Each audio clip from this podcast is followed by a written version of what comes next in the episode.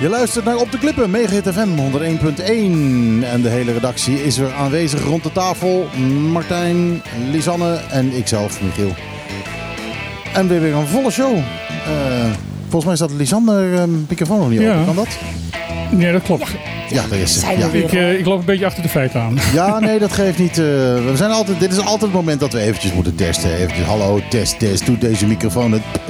Maar 1, 2, stipt 3. 8 over 12 kunnen we eindelijk starten met... eh, Ja, en we hadden het gevoel dat er iets eh, met de mixer in orde was. Dat bleek alleen, godzijdank alleen maar de lampjes zijn en niet eh, de elektronica binnenin. Dus eh, als het goed is, eh, heeft hij gewoon nog normaal eh, geluid van ons. Ja, we zijn gewoon eh, weer in de lucht en dat is heel fijn, want we hebben een boel te bespreken vandaag. Dat Eh, kan je wel stellen, ja. eh, we hebben eh, veel gasten en veel nieuws. Dus, eh, nou ja, eh, ik zou zeggen, ga er even voor zitten. Kopje koffie erbij. eh, misschien een chocomel. Kijk hoe de lucht opklaart. Ja, want in de zon kun je toch niet Er zitten is voorspeld dat het vanda- vanmiddag beter weer wordt. Heel fijn voor Electric Tribe ook. Oh ja, die gaan, die gaan deze... Ja, ja, Ja. inderdaad. Nou ja, goed, het hele Oh, het terrein is natuurlijk wel doorweekt. Ja, nou ja, een mutfest, dat hoort natuurlijk wel bij dat soort feestjes, hè? Dat is wel zo. Het is op de klippen, mensen.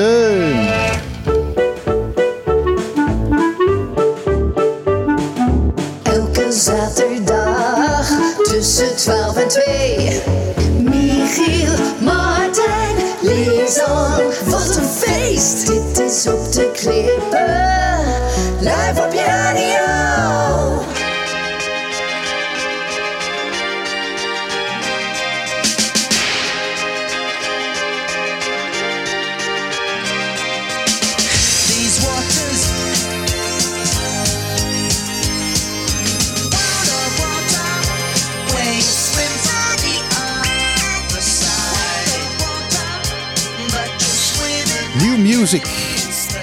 met World of Water. Dat leek me wel een beetje toepasselijk eh, ook weer vandaag. Alhoewel het vorige week natuurlijk veel erger was. Ja, eh, maar maandag was het, eh, maandagnacht was het erg. Ja, het is, het, het, het is, het is heftig. Ik heb hele mooie plaatjes gezien overal. en, en ik moet eerlijk zeggen, ik vind het nog steeds leuk. Maar Ja, ik denk dat ik daar vrij uniek in ben. Ik, ik vond het ook leuk. Ik bedoel, al het, eh, dat je inderdaad momenten had s'nachts dat je het gevoel had van het is gewoon overdag. Zo, zo licht was het. Eh, dat vind ik heel bijzonder. En eh, mijn hondjes vonden het wat minder. Die lagen hyperventilerend eh, in de slaapkamer. Ja, nee, de mijne ook. dat, was, dat was gruwelijk. Ja, ja, ja, ja, we zijn er weer. Oh, Martijn vergeet altijd mijn knopje, maar dat geeft ja, niet hoor. We zijn is, er weer. dat is niet... Dat, ja, het was een stormachtig weekje jongens, we hebben, maar we hebben het Ja. weer doorstaan. dat vergeet hij ja. niet echt hoor. Kijk, en de, en de gevolgen waren natuurlijk ook eh, vrij eh, spectaculair. Eh, die luchtfoto bij, bij de jachthaven is op zichzelf een fantastisch mooie foto. Ja, Alleen je weet wat het gevolg is en dat is wat minder. Nou ja, ehm, eh, weet je, ik heb eh, op Facebook hebben we er ook eh, een beetje over gehad. Die, die, die, ja, die uitloop die uit de Salinja Vlijt komt en eh, ja, die dus door de haven in de zee terecht komt, dat, eh, de, ja, dat modderwater, dat komt daar natuurlijk eigenlijk altijd als het een beetje zwaar Ja. geregend heeft. En eh, als je daar duikt, dan zie je dat ook. Het rif houdt op bij Something. Special. Zeg maar recht voor de haven is geen rif, geen normaal rif zoals je dat verder ziet. En dat komt pas langzaam, maar zeker een beetje zo voor de deur van Shogogo komt dat weer, weer leven. langzaam tot leven.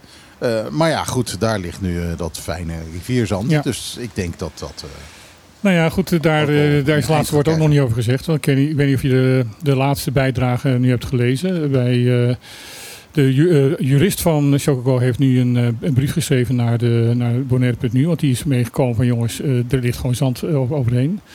En eh, die, die, die ki- kiermuur doet, niet, doet zijn werk niet. Nou, toen heeft eh, Jan, Schellevis heeft toen gereageerd, de eigenaar van Chococo. Eh, van ja, maar de, er is maar heel weinig zand naar, naar, naar de zee gelopen. En dat is maar één kuub, minimaal, maar, ja, maximaal één kuub geweest. Dan denk ik bij mezelf, hoe heb je dat gemeten? Maar dat is even een los daarvan. En ehm, de keermuur heeft juist uitstekend zijn werk gedaan. En nou zijn er weer foto's eh, vrijgegeven door Stinapa, waar ze kunnen laten zien van jongens, het zand ligt dus nu gewoon voor Chocogo daar op, ehm, eh, op, op de bodem. ja, Ja. Dat is gewoon aantoonbaar. Dat dat het, de, het zand is wat, eh, wat, wat, wat daar op, de- op het strand ligt. Plus dat Sinapa zegt van ja jongens, jullie kunnen wel beweren dat die, eh die keermuur goed werkt. Maar jullie hebben je gewoon niet aan de regels gehouden. Ja, zo simpel is het. Die keermuur die, keermuur die, is, wat was het, 20 centimeter? 40 centimeter. Ja, maar is 20 centimeter te laag. Ja, hij moet, hij moet nou, ik, ik hoorde nu al het getal van dat hij 40 centimeter boven het zand moet uitsteken. Dat lijkt me vrij veel. Dat is inderdaad wel vrij veel. Dat zal het niet zijn. Maar ehm, hoe dan ook, de keermuur is De te, keermuur te is nu- laag als we naar de reglementen kijken. De keermuur, Het zand is, was verkeerd. ja, de keermuur is nu even hoog als stand. En, en nu is het gebeurd. En eh, ja, dan kan je wel zeggen, ja, maar dat zand van ons komt, dat is niks eh, op die modder die eh, daar allemaal... eh, Ja, daar hadden wij even een oneenigheidje over hè, op Ja, Facebook. want, ja, want eh, eh, jij vindt dat hij daar een beetje gelijk in heeft. En, Nee, nee, eh, nee, nee, nee, nee, nee, nee, nee, nee, nee, nee, dan zal ik het nog een keer uitleggen. Je vond dat hij een punt heeft. Ik vind dat. ehm, ik vind niet dat hij eh, m- makkelijker moet aangepakt worden, omdat de overheid eigenlijk ook zijn zijn werk niet doet. Ik vind alleen dat de overheid de boter op zijn hoofd heeft en daardoor slecht kan handhaven. Ja, je bedoelt dat, ze, eh, eh, dat je naar de overheid kan wijzen als ze niet goed handhaven. Je kan omdat alleen ze- smoelen als je je straat kent. Juist, Dat. juist, exact. Ja, precies. Je kan alleen smoelen als je je straat kent. Als je weet, als je weet hoe het allemaal gaat, als je weet hoe het allemaal moet, dan alleen kun je smoelen. Dat komt uit de keuken. Ja, die, die uitdrukking heb ik echt nog nooit gehoord. ja, ik vind hem wel mooi. Ja, En ehm, wat, wat, wat, er, wat erop neerkomt is van ehm, de overheid eh, hier op Bonaire is het eh, de waterhuishouding ehm, eh, systeem wat er was. Met die salinia's, met de, de, de, de goten, met, met de, de, alle mogelijke manieren om het eh, regenwater naar plekken toe te kunnen brengen waar, waar het geen kwaad kan. Dat is al jarenlang, decennia lang gewoon verwaarloosd. Ja, maar voor, zover ik weet is Salinja Vlijt is puur natuur. Dat is niet, eh, volgens mij niet, niet gemaakt. Dat lag er al. Nee, maar het is wel de bedoeling dat het dus daar, daar ehm, want er is aan de afgelopen jaren aan de kantjes wel behoorlijk geknabbeld. Daar zijn huizen, voor- eh, eh, grond verkocht, huizen neergezet. Ja, Ehm, ik heb het gewoon de afgelopen negen jaar dat ik hier woon, het ondieper zien worden. ja, dat is waar. Dat is waar. En daar hadden ze gewoon onderhoud toe moeten plegen. Ja. Dan was het eh, de, de hoeveelheid eh, eh, blubber die nu de zee in gel- gelopen is, waarschijnlijk minder gewe- geweest. En daarmee vind ik dus. Kijk, en nu roept, roept de overheid heel leuk, en daar hebben ze ook gelijk in. help, help Den Haag, help ons, want we kunnen het niet alleen af. Ja, daar zal waarschijnlijk wel weer hulp komen, maar het is wel te laat. Ja, natuurlijk. Het is, en het is dweilen met de kraan open. Het is weinig met de kraan open. Kijk, wat er eh, tussen in de nacht van eh, maandag op dinsdag gebeurd is, is eh, uitzonderlijk. Ik heb uit zitten rekenen dat ehm, de, het water wat, eh, de hoeveelheid water die in vier uur tijd gevallen is, evenveel is als wij in 3,5 jaar tijd als drinkwater ge- gebruiken. Zo. dat is echt heel veel, heel veel water. Dat is echt bizar, bi- bizar veel. Ja. Daar heb ik heel weinig op te zeggen. dus daar word ik een beetje stil van. Ja, eh, heel veel water, zeker. Eh, daar staat tegenover, eh, ja, ik heb het, eh, ik geloof twintig jaar geleden voor het laatst heb ik het zo hard zien regenen. En dan nog geloof ik dat dit harder was. Ik, nou ja, als, als de, de waarnemend gezaghebber Oriana al zegt van dit heb ik in mijn hele leven dat ik hier op Bonaire woon nog nooit meegemaakt. Nee, de laatste keer dat ik, dat ik zulke regen heb meegemaakt was, was op Curaçao.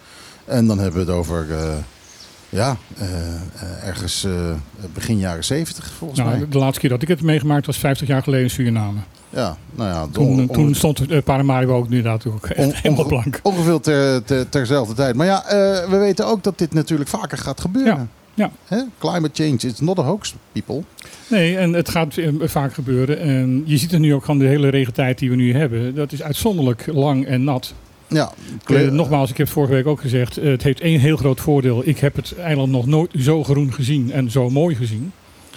Maar we Eh, hebben ook een hele hoop muggen. Worden jullie ook zo lekker Ja, geprikt ik- elke ik- avond? Ik vlucht regelmatig mijn, mijn slaapkamer in, omdat het gewoon niet te hard is. Ja. Dat, eh, dat, eh, dat klopt. En ik heb ook geen zin om de hele tijd me- met, met dat spul in te smeren. Want dat is, die, die, die date is ook erg slecht voor je huid. Dus, Ja. eh, Nou, ik heb niet, zoveel, heel, niet zo heel veel last van die kleine mugjes. Maar die hele grote zwarte uh, mangrovenmuggen, die je in het zuiden heel veel hebt.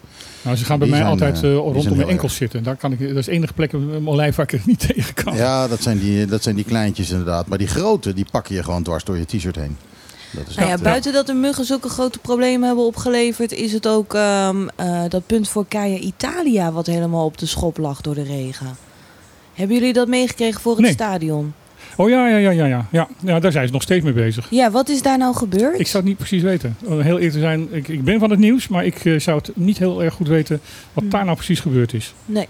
Maar nog steeds eh, zijn ze daarmee bezig, vijf dagen later. Ja, je kunt in ieder geval niet overal zomaar eh, ongestraft door de stad heen rijden. Dat, eh, dat Nee, dat is nog steeds zo. Ik ga, eh, ik ga de, een nieuwe plaat draaien. Of had jij nog iets hierover Nou, ik wou melden? over ongestraft gesproken even onze rechtszaak bespreken. Eerst Dat, dat, dat doe ik naar de reclame. Eh, Nee, reclame. We hebben geen reclame. Niet nu in ieder geval. Wel zometeen op het hele uur. Maar nu heb ik de nieuwe Pink voor je. Never Gonna Not Dance Again. If someone told me that the world would end tonight, you could take all that I got for once. I would never gonna not dance again. So let the music play till the end. Never Gonna Not Dance Again. De nieuwe single van Pink. De 70s hebben gebeld en die willen hun geluid terug. Wat een eh, ouderwetse disco is dit bijna. Eh, maar dan wat beter opgenomen. Eh, eh, ja, ondertussen is mijn microfoon de enige die open staat. Maar Ja, dat vind jij helemaal niet erg. De- nou, ik ben alweer uitgepraat over die, eh, over die single hoor. ik vind hem wel heel lekker. Ik vind hem wel heel lekker. Dat, eh, Ik, eh, hoor net van het probleem wat, eh, wat er is daar verderop. Ehm, Ja? Volgens ehm, Ron is dat eh, iets met, eh, met afval, met, eh, met eh, riolering. Oh, de riolering is gesprongen misschien. Waarschijnlijk door de, de grote hoeveelheid water die ze nou ja, het cloaca-systeem eh, Het cloaca-systeem, eh, ja. is ook eh, ja, dat is, dat is zwaar onder druk te staan eh, natuurlijk. Oh. Dat kan je wel stellen, ja.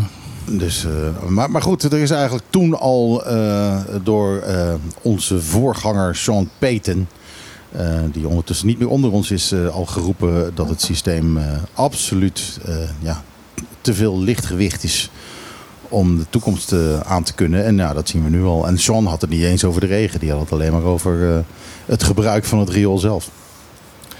Ja, Het zou Ja. het zijn, hè? Gesprongen riolering. Dus, dus, Oh. dus vanuit, vanuit de hemel eh, roept hij nu, I told you so, I told you, I told you. Goed, onze rechtszaak. Ik wil het er graag over Nee, nee, hebben. nee, nee. Nee, nee, Oh, we gaan we gaan het niet over onze rechts doen? hebben. We gaan het eerst gasten doen. Er zit een eh, gast aan tafel. Wees Ja. nou eens een keer een beetje, beetje beleefd. Oh, nou, de, de gast was eh, gevraagd om hier half één te zijn. Het is half één, is dus dan doen we het netjes om Ja. de eerste gast. Trek de microfoon een beetje naar je toe. Want eh, eh, je moet er echt heel dicht in praten. Ja, zo moet- ben ja, ik te je moet verstaan. echt kussen. Heerlijk. Ja. Ja, helemaal goed. Ja, we hebben visite van de ZJCN. Ja, Ja. afdeling eh, jeugd. ja, mevrouw Ellie Rooyer, Mhm. Ellie Rooyen van Jeugdzorg. welkom. welkom. Ja, dank jullie wel. Is er Heel goed voor u gezorgd? Ik zie dat u een glaasje water heeft. Ja hoor, ik ben eh, goed verzorgd. Bedankt dat ik hier eh, mag komen vertellen over de week tegen kindermishandeling. Ja? Ja, dat is, eh, het is Dus ik ellendig, heb- ik maar het is nodig. Hè? Ik heb altijd de neiging om te zeggen de, de week voor kindermishandeling. Dat moet, moet je niet doen. De week, de week van? Nee, eigenlijk ook niet. Hè? Nee, nee, nee. Het is inderdaad echt de bewuste week tegen de kindermishandeling. Ehm, want daar willen we ja, een halt aan eh, gaan eh, roepen. Ehm, en dat is iets wat eh, ja, veel vraagt, jaren. Ehm, dus daarvoor deze week om daar extra aandacht aan te besteden. Want het is een jaarlijkse campagne. Ja, elk jaar komt deze week terug, waarin we daar extra aandacht voor vragen. En hij wordt ja, bijna altijd dus afgesloten met de laatste dag, de dag van de kinderrechten. Ah, bon. bon. Ja, het is, eh, het is een, eh, helaas nog steeds een jaarlijks terugkerend eh, evenement. Ehm, hoe staat het momenteel op Bonaire met eh, dit onderwerp? Ellie, maar draai je even om, want volgens mij staan er heel veel fans van jou daar. Ja. Oh, dat zijn de collega's van onderwijs en expertise EOZ. Moet, ik moet even in de microfoon praten. Ja? Ja, de collega's van eh EOZ, Voogdijraad en Jeugdzorg. Ehm, we zijn vandaag eh, op tour langs alle barrios eh, om ook eh, aandacht voor het onderwerp te vragen. Dus ehm, zij zijn verschillende barrios geweest vanochtend. Pikken mij zo op en dan gaan we verder naar Rincon en andere barrios ook bezoeken om over het onderwerp te praten. Jullie zoeken alle mishandelaars op en jullie geven ze een flinke klap in hun gezicht. nee, nee, wij zoeken juist ehm, iedereen op. Want eh, het gaat ons niet om daders of slachtoffers of wat dan ook. Wij vinden dat iedereen daar een taak in eh, heeft. Het is vaak ook zo dat een dader ooit een slachtoffer is geweest, hè? Vaak, inderdaad. En ehm, ja, mensen die hun kinderen ehm, mishandelen. Geen, niemand krijgt een kind en denkt van... hé, hey, ehm, die wil ik gaan mishandelen. Nee. Mensen houden van hun kinderen. Uh, het gebeurt vaak in stress- en onmachtssituaties. Um, dus het is heel belangrijk om niet te wijzen uh, in deze. Um, want ja, we hebben allemaal in de dagelijkse situaties stress, moeilijke momenten. Um, waarop het heel lastig is om rustig uh, te blijven. En daarom willen we ook iedereen aanspreken. Want -hmm. uh, het thema van dit jaar is dat we extra aandacht willen vragen voor psychische mishandeling. Um, en vooral in de vorm van schreeuwen tegen kinderen bijvoorbeeld. Want um, ja, in onze stress vallen we allemaal wel eens uit tegen kinderen. Dat is op zich niet zo erg. Um, maar als dit stelselmatig gebeurt, um, dan is dat schadelijk voor kinderen. Dan is dat schadelijk voor hun zelfbeeld, voor hun hele ontwikkeling. Dus we willen daar mensen bewust van maken. En iedereen die met kinderen te maken heeft, uh, weet dat het vraagt dat je rustig bent, dat je in ze kan verplaatsen. Um, maar daar zijn we niet alle, altijd allemaal toe in staat. Dus mm -hmm. we willen mensen vragen um, ja, ook om elkaar daarin te helpen, maar er in ieder geval bewust van te zijn wat voor effecten het kan hebben op kinderen. Ik heb ook begrepen van dat um, inderdaad een keer um, uitvallen tegen een kind niet erg is als je daarna maar sorry zegt. Precies, dat is het grote verschil. Um, als je het kind daarna gewoon uitlegt, het weer goed maken, vooral dat laatste. Ja. Dat is heel belangrijk. Dus we zijn gewoon mensen. Schreeuwen hoort erbij. Soms schrikken we zelf ook. Schreeuwen we van daaruit. Maar het gaat echt om het stelselmatig, steeds schreeuwen.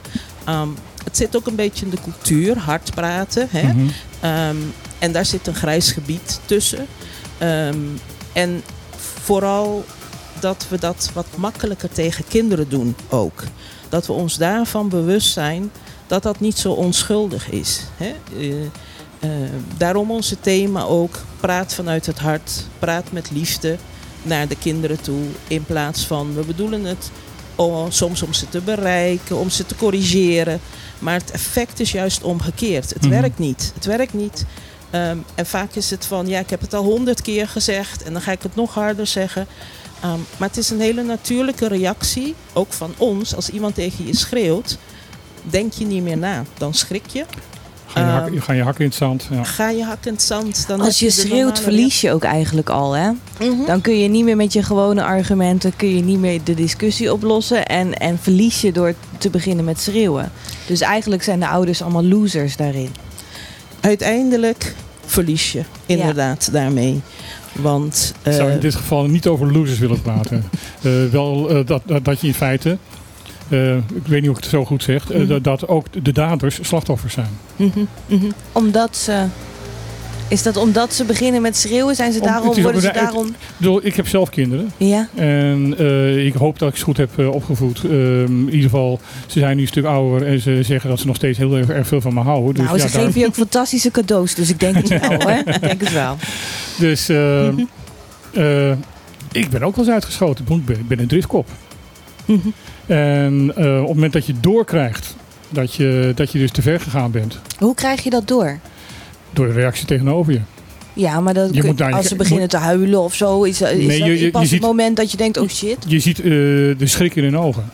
Daar moet je op letten. Ja. Maar heb je niet ook dat je, dat, hè, als je gewoon, als je zoiets gedaan hebt en je komt een beetje tot rust, dat je dan uh, nadenkt. Je, je denkt natuurlijk altijd na over wat er net gebeurd is.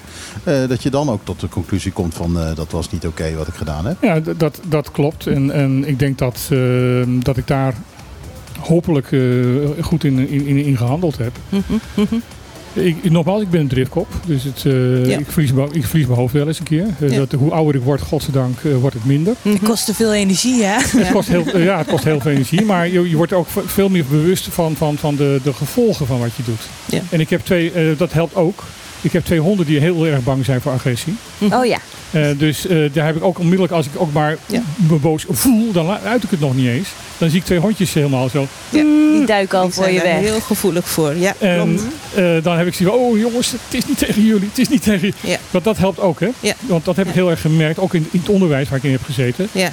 Um, Ik heb wel eens gehad van dat ik in de klas kwam en dat daar eh, en dat ik eh, ontzettende ruzie met mijn leidinggevende had gehad. Mhm. En ik kom met die donderwolk boven me. Mhm. En kom ik dus de klas in. Ik zie die hele klas, naar achteren stuiteren. Juist. Ja. En ik denk bij mezelf van wow. Toen zei ik van jongens, ik ben boos, maar absoluut niet op jullie. Nee, nee, nee. Het was, nee. oh oké, nou raas Ja. me even uit. Ja, dat is goed. ja, ja, ja, ja. En- Nee, maar, ik, maar het eh, is inderdaad Ik ben blij leren. dat je dat zo inderdaad vertelt. Want dat is ook de boodschap die we een beetje willen geven. Hè? Ik bedoel, het gaat erom, um, als je er wat aan wil doen, is bij jezelf herkennen waar het start. Hè? Want het gebeurt impulsief natuurlijk gewoon. Hè? Je bent met iets bezig en Ja. bam, het valt eruit. Maar als jij bij jezelf gaat er- herkennen waar die irritaties beginnen, Mhm. kun je het ook beter controleren. Er zei ooit een keer eh, iemand tegen mij die heel wijs was. Mhm. Het klinkt heel flauw. Mhm. De beste manier om eh, om te gaan met, eh, ehm, eh, met, met boosheid is niet boos worden. Ondertussen wil ik eventjes eh, de luisteraars eh, waarschuwen dat die ruis die je hoort op de radio, dat is geen ruis, dat is omdat het hier helemaal met bakken naar beneden komt. En dat is gewoon de regen hier op het, eh, ehm, op het dak. Maar de zon schijnt er nog bij hoor, dus zo erg is het allemaal. De-. Ja. De, de collega's van Ellie zijn allemaal eh, kan- gillend Zijn onder ze- het Plaza Machimimi gedoken. Oh ja. Ik, eh, ik zie, eh, net toen het, het begin nu alweer af te, te nemen, zag ik de cruise ship kon ik al bijna niet meer zien door, door, door de Zo. regen. Ja. Zo hard, zo hard Ja. ging het. Ja. Hoofdbreukje. Het Ja. is Bonaire 2022, ja. ja. Misschien moeten we de luik even omlaag gaan doen, want er komt wel een hoop wa- water naar Ja, binnen er toe. komt wel wat naar binnen. Goed. Ondertussen, Ellie, ik heb een vraag. Ja. Eh, eh, want jullie krijgen een hele hoop meldingen binnen, denk ik. Mhm. Eh, van wie komen die meldingen meestal? Ehm, ja, het is vrij divers. We hebben tegenwoordig het meldpunt Giami. Ehm, daar kunnen eh, mensen ook eh, zelf naartoe eh, bellen. Dus daar zijn best wel veel bezorgde burgers of ehm, mensen kunnen bij ons ook binnenlopen op bepaalde tijden. Ja? Dus dan zijn het soms ook mensen zelf die binnenlopen en zeggen van ja, het gaat niet goed met mijn kind eh, en mij. Ehm, het zijn eh, eh, politie Mhm. op het moment dat er ernstige incidenten zijn.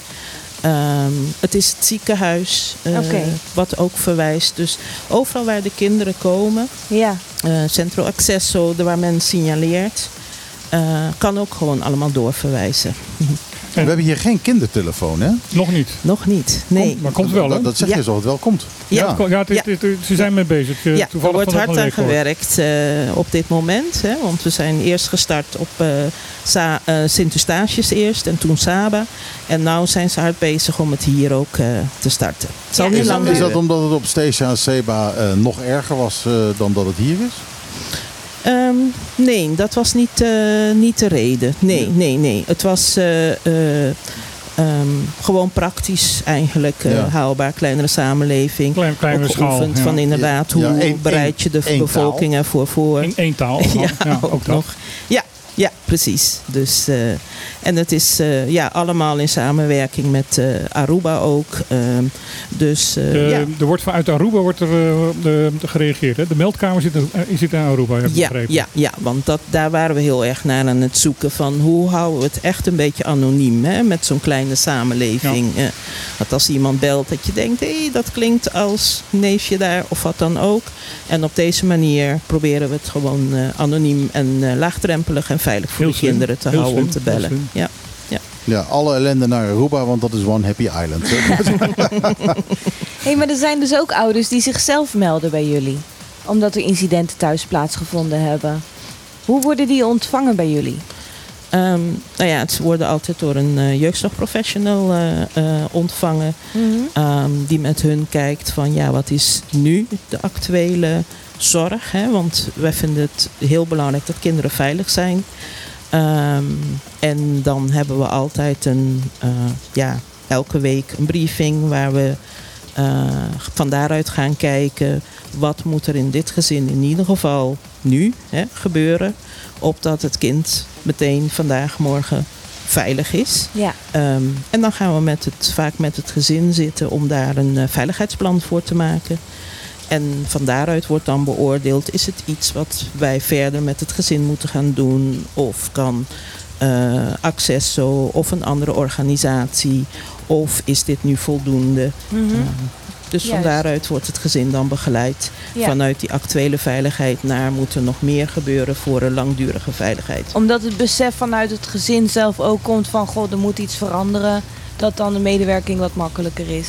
Ja, ja, ja, ja. Mensen komen inderdaad dan vaak ook omdat ze eh, ja, door iemand erop geattendeerd zijn of verwezen zijn. Dat ze niet zei van nou weet je wel, ga je, ga je aanmelden bij jeugdzorg. Ja. Daar kunnen ze je meteen eh, beter helpen. Uh, want wij proberen iedereen vanuit het vrijwillige kader te helpen. Hè. De meeste van onze cliënten zijn gewoon vanuit het vrijwillige kader. ja, niemand wordt gedwongen om geholpen te worden. Nee, dat wordt als het niet werkt, als het echt onvoldoende is, Mhm. eh, en niet lukt, eh, medewerking echt onvoldoende is en de kinderen echt risico's lopen. Dus daar maken we altijd een veiligheidsinschatting van. Dan schakelen we de collega's van Voogdijraad in. En die gaan dan onafhankelijk onderzoek doen. Eerst ook nog eens om te kijken van, nou ja, zijn jullie zorgen terecht of Mhm. niet? En in dat geval, dan kan een rechter eh, zich ermee gaan bemoeien en kijken wat er dan moet gebeuren. Juist. Ja. Als je ehm, merkt dat er iets niet goed zit in een gezin. Mhm. Eh, je bent buurman of buurvrouw of eh, eh, docent. eh, eh, je merkt in ieder geval dat er iets met, met die kinderen van een bepaald gezin en iets niet goed gaat. Mhm. Wat moet je doen? In eerste instantie moedigen we mensen aan om eerst met de mensen zelf in gesprek te gaan. Ja, ehm, we hebben voor deze week ook een stripboekje gemaakt, wat naar eh, alle scholen is eh, gegaan. Ah, ik zie al, praat met liefde staat Ja, er. Ja. ja. En eh, posters ook, dus die zijn bij alle scholen ook uitgedeeld. Ehm, waarin je soms ook ziet hoe simpel het is. Hè? Een gezin wat in een negatief spiraal is. En jij als buurvrouw hoort dat elke dag. Dat het soms gewoon is even gaan zitten van... Goh, weet je wel... eh, eh, Kan het niet anders? ik, ik, ik zie, Hm. nou niet op die manier. Nee, ik zou het eerder zeggen van, goh, ik hoor het, weet je wel. eh, die baby die huilt de hele tijd. Dat moet gewoon hartstikke zwaar zijn. Ik zie dat jullie het heel Kan ik iets voor je doen? rustig is. Kan ik iets voor je doen? Juist. Dat is altijd de eerste vraag. Ehm, dat werkt vaak al dat mensen soms naar hun eigen bronnen kunnen gaan kijken en denken van ja, dit is niet fijn zoals het gaat, wat kan ik anders doen? Ehm, op het moment dat het eh, ernstiger is en dat je denkt van dit werkt niet, er is meer hulp nodig, motiveer iemand om hulp te gaan zoeken. Dat kan bij eh Giami Meldpunt, dat kan bij Accesso. Ehm, en eh, op het moment dat je echt denkt van nee, ik maak me hier ernstig zorgen over deze mensen, kan ik niet mee in contact komen, et cetera. Ehm, dan gaat Giami met je meedenken eh, eh, om te kijken hoe, wat een mogelijke ingang is in Mhm. het gezin om de kinderen te gaan helpen. Want we zijn met z'n allen verantwoordelijk. Kinderen hebben ons nodig hè, om dit soort Wordt dingen ook te signaleren. gekeken naar de werkgevers van de ouders?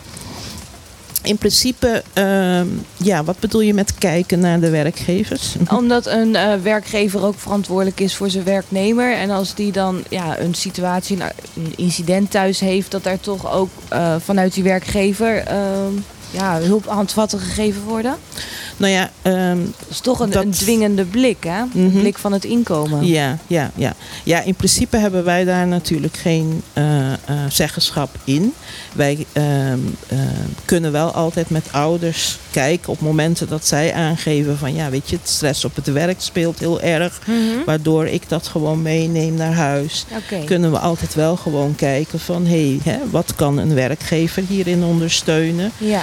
Ehm, dus meer op die manier, als het helpend is, Mhm. zoeken wij contact met Dan het wel. werk. Ja. Maar in principe wordt de werkgever niet geïnformeerd als er thuis incidenten zijn. Nee, in principe, ehm, en zeker in deze kleine samenleving, Mhm. alles gebeurt met toestemming van het gezin en ouders. Anders krijg je als gezin ook heel snel een stigma. Dat, eh, Precies, precies. Ja, ja, ja. En ehm, mensen hebben recht op hun privacy. Dus van daaruit, op het moment dat zij aangeven, ja, dat is fijn of dat wil ik doen, dan kan dat. Mhm. Ehm, maar het is niet zo dat wij zomaar werkgevers kunnen gaan bellen en eh, zeggen van, hé, hey, kan je deze meneer eh, iets Ja. met deze meneer doen? Nee, dat hoort er niet bij. Nee. Het is nu de week eh, tegen eh, kindermishandeling. Mhm. Eh, wat gaan jullie deze hele week doen? Ja, we hebben veel activiteiten. Nou, zoals nu zijn we dus met de bus door de... Nu zijn jullie aan het schuilen. nu aan het schuilen. We ik gaan zag zo hem net komen. Het is een grote bus met, eh, met posters erop. eh, Ja, heel ja. herkenbaar. Ja, ZW-groep die heeft ons een bus beschikbaar gesteld. Ehm, dus ja, we gaan verder door de barrios heen rijden. We hebben vrijdag al deze boekjes uitgedeeld op de scholen. Eh, EOZ heeft geregeld eh, komende week dat we op alle scholen langs gaan ook. En eh, zeker in groep eh, 7, 8 daar even aandacht aan besteden. Mhm. Ehm, maandag hebben we alle ketenpartners, hebben ontzettend veel mensen zich voor opgegeven. Een netwerkbijeenkomst waarin we aan het thema aandacht gaan besteden. En ook met organisaties onderling in gesprek. Hè. Wat kan elke organisatie doen? Gaan Ehm, jullie ook in gesprek met de kerkelijke organisaties? De kerkelijke organisaties zijn normaliter ehm, wel betrokken rond eh, de cliënten. Mhm. hè. Ehm, maar worden ook gewoon uitgenodigd als Ja. er dingen zijn. Ehm, we gaan verder. ehm, dus netwerkbijeenkomsten. Ehm, ja, eh, Accesso is dan ook bezig met de voorbereiding van eh, eh, eh, zondag, dag, Lampionnenoptocht. Oh ja, Daar is ondersteunen we ook eh, Ja. Eh, in mee. Nou, in de kranten eh, zullen de strips eh, ook eh, verschijnen. En radio, dus op die manier vragen we op verschillende manieren aandacht eh, voor het thema. En motiveren we mensen om aandacht te besteden aan de manier waarop ze met kinderen praten. Ja. En eigenlijk het thema, als jullie het thema eh, zeggen met liefde, maar eigenlijk is het thema zorg voor elkaar. Zorg voor elkaar, zorg voor de kinderen. Eh, wees bewust daarvan dat iedereen belangrijk is in de ontwikkeling van de kinderen. De boodschappen die ze van ons krijgen. Hè, het is van ons dat ze leren om rustig en met liefde te praten. Het is van ons dat ze leren eh, hoe ze goed met andere mensen om kunnen gaan. Dat als ze boos zijn, hoe ze zich op een goede manier kunnen uiten. Ehm, en dat is iedereen. Dat zijn hun ouders. Maar eh, op het moment dat ouders onmachtig zijn, zijn steunfiguren super belangrijk Ja. voor deze kinderen. Dus als jij een kind tegenkomt in je omgeving die je denkt, hé, hey, die kan wat extra aandacht eh, gebruiken, doe dat ook. Ja. Ehm, en geef Ja. dat kind ook extra aandacht. En geef het kind positieve aandacht. Je, je hebt een eiland nodig om een kind op te voeden. Zeker, zeker. Ja. En zo voelt het soms wel een beetje. Als je kinderen tegenkomt hier op het eiland, denk je, ja, het is, misschien hebben ze wel ouders, maar eilandkinderen zijn toch al onze kinderen. Yes, Ja. yes. Ja, Ja. ja, ja, Klopt, ja, ja. ja, ja. Leuke kinderen hebben we hier. Nou, absoluut. Ja. ja. dat we, moet ik ook zeggen. Want ja, je ziet het verschil natuurlijk met Nederlandse kinderen en de Mhm. kinderen van hier. En de kinderen van hier zijn wel heel vrij, heel nieuwsgierig, heel open, heel ontspannen. Vergeleken met ja, westers opgegroeide kinderen. Ja, die, die, voor ja. alles, die constant voor alles moeten. Juist, Die van de ene activiteit naar de andere rollen. En daar ehm, ehm, kin- kinderen van in Nederland, kinderen van 13, 14 jaar die al een burn-out hebben. Juist, dat, ja, dat Kan eh, niet. Ja, vragen wij vaak ook aandacht voor bij de psychische mishandeling. Dat overvragen van een kind ook heel schadelijk is Ja. voor een kind. Dat, Ja, want je hebt natuurlijk hier veel ouders die zich onttrekken van de zorg voor kinderen. Waardoor Mhm. de zorg op eh, de oudste kinderen van een gezin vaak eh, op de schouders valt. En dat is toch ook eh, een vorm van kindermishandeling? ja, het zit in onze cultuur. En ook die dingen kun je op een goede manier doen. Maar vaak worden kinderen daarin overvraagd. hè? Eh, oppassen op kleintjes. Bepaalde leeftijd kan dat, maar andere leeftijden kan dat gewoon echt Zou je ook zeggen, als je zorgt voor je broertjes of zusjes, is dat gewoon werk en moet je daarvoor betaald worden? Ja, nou dat zou helemaal dat zou tegen leuk zijn, de... maar dan moet de eerste armoede een keer opgelost worden. Ja, en je mag pas werken vanaf je veertiende. Ja, dus dat, eh, ja, ja. dat zou ook tegen de cultuur ingaan. Eh, Er wordt, ja, men vindt het hier heel belangrijk dat kinderen ook leren om iets voor een ander te doen, zonder dat ze daar per se wat voor terugkrijgen. Ja. Hè? Dus dat is ook wel een hele Nou ja, mooie dat iets. vind ik ook wel een deel van de opvoeding. Mhm. Eh, als ik ook naar mijn eigen kinderen kijk. Van dat eh, kinderen best wel iets van gevraagd mag worden. Je mag inderdaad wel zeggen van ja, hallo, eh, je bent ook een onderdeel van het gezin. Eh, Mhm. Dat betekent ook van dat je dus een aantal dingen in het gezin moet doen. Ja. Eh, wij doen dat en jullie ook. Dat Ja. kan als je ze daarna ook een stem geeft waarmee ze zich kunnen uiten. Ja. Ja, en dat je ze daarbij ondersteunt. Hè? Mhm. Want ehm, een kind eh, de afwas laten doen. ehm, ja, dat vraagt toch wel wat overzicht van een kind. Dus samen met het kind afwas doen of het uitleggen van hè, even eerst spoelen, dat soort dingen. Ja, dan ondersteun je een kind bij zijn taakjes en dan hoef je het niet te overvragen. Maar als je een kind zegt ga maar afwassen en daarna na vijf minuten is de afwas nog niet gedaan en dan heb ik het je al tien keer gevraagd en nou krijg je straf. Ja, dan zet je een kind in een hoek waarin die alleen maar faalt. Ja. Als ik mijn eigen moeder daar eh, als voorbeeld mag nemen. Mhm. Ehm, ik had alleen maar broers. Mhm. En mijn moeder vond het heel belangrijk dat wij als mannen dan ook leren koken. Heel goed. En eh, ik heb eh, bijna een jaar lang één dag in de week met haar samen gekookt. Yes, En daarna zei ze van oké, nu iedere woensdag kook jij. yes. Heel goed. Ja, ja, ja. En dan krijg je er ook plezier Ja, in, hè? ja. En daar gaat het om. En dan krijg je zelfvertrouwen erin. En dan durf je hem zelf. En dan krijg je yes-gevoel. En dan groei je Ja, daarvan. wo- woensdag kookte ik, donderdag eh, mijn broer Bart en eh, vri- eh, vrijdag mijn broer Robert. Ja. Dat Ja. was altijd het lekkerste, want die is op later kok geworden. Ja. En eigenlijk ben je gewoon een taakje aan het doen dan. En Ja. je hebt er hartstikke Ja. fun van. Ja, Ja, want je krijgt eigenlijk ook heel veel complimenten ervoor. precies. Precies. Ja, ja, ja. En dat zouden we heel graag willen dat gezinnen dat ontdekken met elkaar. En die tips ook aan elkaar Ja. geven. En op die manier. En als je gekookt had, hoefde je niet af te wassen. Precies. Die regel heb ik nog steeds thuis. Ja. Die heb ik nog steeds thuis. Yes, yes. Ja, ja. Zo gaat dat inderdaad. Mhm. Ellie, mag je, als, eh, ben je, wil je nog iets zeggen? Of, of, ehm, Nee, nou, ik, mensen, ehm, ja, kijk uit naar onze bus als we langskomen. Ehm, en ik wil ook alle andere organisaties, die hebben ook allemaal meegeholpen in de voorbereiding. Een EOZ, Voogdijraad, Accesso, Openbaar Lichaam. Ehm, en dat we deze week gewoon ja, met elkaar veel aandacht aan dit thema mogen eh, besteden. En dat iedereen zich er ook voor inzet. en niet alleen deze week, maar Precies. alle dagen van het jaar. Ja, ja, ja, om ook echt het gedrag te veranderen Ja. en anders te gaan handelen. Want zijn er hierin. periodes in het jaar dat jullie meer meldingen krijgen? Bijvoorbeeld tijdens de kerstvakanties of eh, na de voetbalwedstrijden? Of... Nee, dat durf ik niet zo te zeggen. Dat soms zeggen geen, we eh, inderdaad, ja, oudjaar is altijd soms een kritiek moment. Mhm. Eh, ehm, dus zo heb je met feestdagen soms eh, dat het een beetje kritiek is. Ja, soms ook alcohol in het spel, dat soort dingen. Ja, hyperactieve De de kinderen met heel veel coronacrisis. suiker. Coronacrisis, ja, klopt, Ja. klopt. Dat vroeg hele andere dingen weer eh, van gezinnen. Dus eh, ja, daar had je ook gewoon veel eh, extra zorgen kwamen Ja. daarbij. Maar ehm, het is van, van, van alle dag. Ehm, ik denk wel, ehm, mijn zorg is wel groot, omdat de problemen op het eiland hebben daar ook effect op. Hè? Het feit dat alles duur is, woningen slecht te krijgen zijn, dat maakt het wel dat het extra moeilijk is. Want vaak als we in een gezin komen, begrijpen we de stress ook helemaal. Als je met z'n eh ja, tien, vijftien in een woning woont die eigenlijk maar twee slaapkamers heeft, ja, blijf dan nog maar eens eh, eh, rustig. Ja. Uh, dus ja, dan moeten we heel creatief zijn uh, met elkaar. Om Mhm. toch goed voor de kinderen te kunnen zorgen. ja, want later zijn het de kinderen die voor ons moeten zorgen. En hebben wij niet goed voor de kinderen gezorgd. Ja, dan zitten wij er ook niet meer lekker bij. eh, yes, denk yes. ik. Ja, ja, ja, onze kinderen zijn onze toekomst. ja. Dus ja, Dus graag. investeer liever in uw kind dan in uzelf, zegt u eigenlijk. Ja, ja, ja. nou nee, Ja. investeer in jezelf en daarmee in je kind. Kijk eens. Heel mooi. Ja. Precies, want als je niet goed voor jezelf zorgt, kun je niet voor de ander zorgen. En inderdaad, het hele jaar door gaat dit door. Hè. We hebben ook het hele jaar door de campagne van Tepabo die aandacht vraagt, ook voor huiselijk geweld Mhm. eh, en kindermishandeling. Ehm, dus ja, die bezorgen wel dat het onder de aandacht blijft. Maar Ja. deze week willen we echt de kinderen centraal stellen Ja. in deze. Ellie, ontzettend bedankt voor je verhaal. Ja. was heel duidelijk. Graag En eh, ik hoop dat je heel veel positieve reacties gaat krijgen deze week.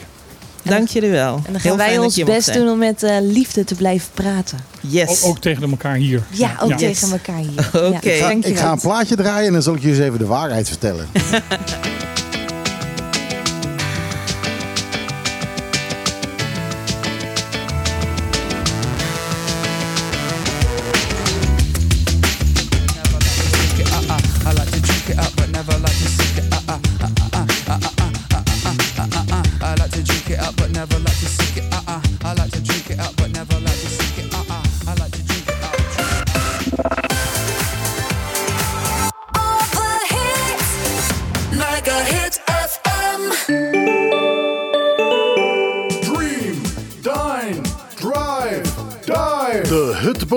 Een klein intiem resort met een no-nonsense vibe op loopafstand van Centrum Kralendijk aan de Kaya Dialma 11.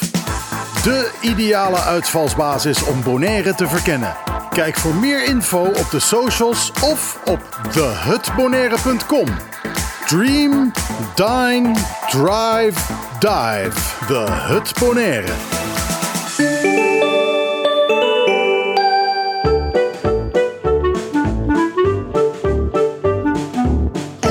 Zaterdag tussen 12 en 2.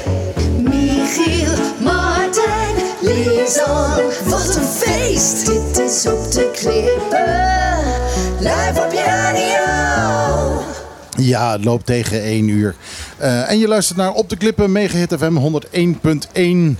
En eh, Hé, dat boekje? Praat met Liefde, hè? dat is leuk, want dat is in het papiaments en in het Nederlands. Dus we kunnen weer leren. Ja, ja. kun je lekker woord nou naast, naast het woord leggen en dan, eh, ja, daar leren we van, ja. Mhm. Praat met Liefde. Nou, over liefde gesproken. ja, Ja, we hebben weer een gast. ja, vertel. Een nieuwe gast.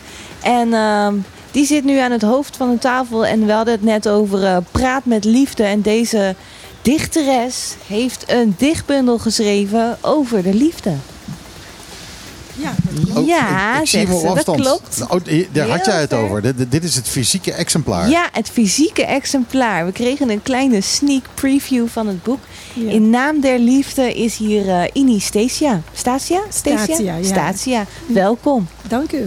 En je hebt een boek geschreven in naam der liefde. Ja, een gedichtenbundel. Een gedicht. En in drie talen. Ook nog. Na, Wel- na nombre di amor, ja, in naam der liefde, in the name of love. En in het Engels. Ja. En En- al- alle talen zijn in drie, in drie talen. Alle gedichten zijn in drie talen. En daarmee is het ook nog een keer een talencursus. Ja, ja want ik, ik wil graag een grote groep mensen, lezers bereiken. Ja. Ook, eh, ook in het Caribisch gebied. Ja. En het kan interessant zijn voor mensen die in taal geïnteresseerd zijn en de verschillende versies naast elkaar leggen en, en vergelijken en zo. En ze kunnen het in hun eigen taal lezen en ze kunnen het ook in die andere talen lezen. ja. En wat dacht Ja. je van de mensen waarvan een liefdesvocabulaire nog niet zo heel breed is? Is dat ook wel handig om eens een keertje door te lezen hoe er nou over liefde gepraat kan worden? Ja, dat hoop ik. Dat, eh, want je kunt op heel eh, veel verschillende manieren en je over liefde praten. En Ja. je raakt er ook niet over uitgepraat. Nee, dat is absoluut waar. Dat is iets Ja. van alle tijden geweest. Ja. Wat is jouw inspiratie geweest om eh, dit boek te schrijven? Of dit, deze bundel te maken? Nou, ik, ik schrijf eigenlijk al jaren, eh, Mhm. mijn hele leven bijna al. Dus vanaf mijn twintigste ongeveer schrijf ik gedichten. In mijn studententijd en daarna. En ik, ehm, en ik schreef altijd voor mezelf. Ik schreef dus sommige van deze gedichten zijn al heel oud. Maar ik heb ze nu bewerkt en herschreven en eh, weer publiceerbaar gemaakt, om het Ja. zo te zeggen. Ze Is uw het eerste daglicht bundel? Ja, het is wel mijn eerste bundel die gepubliceerd is. Ja, echt mijn eers- eerste bundel, om het zo te noemen. Gefeliciteerd.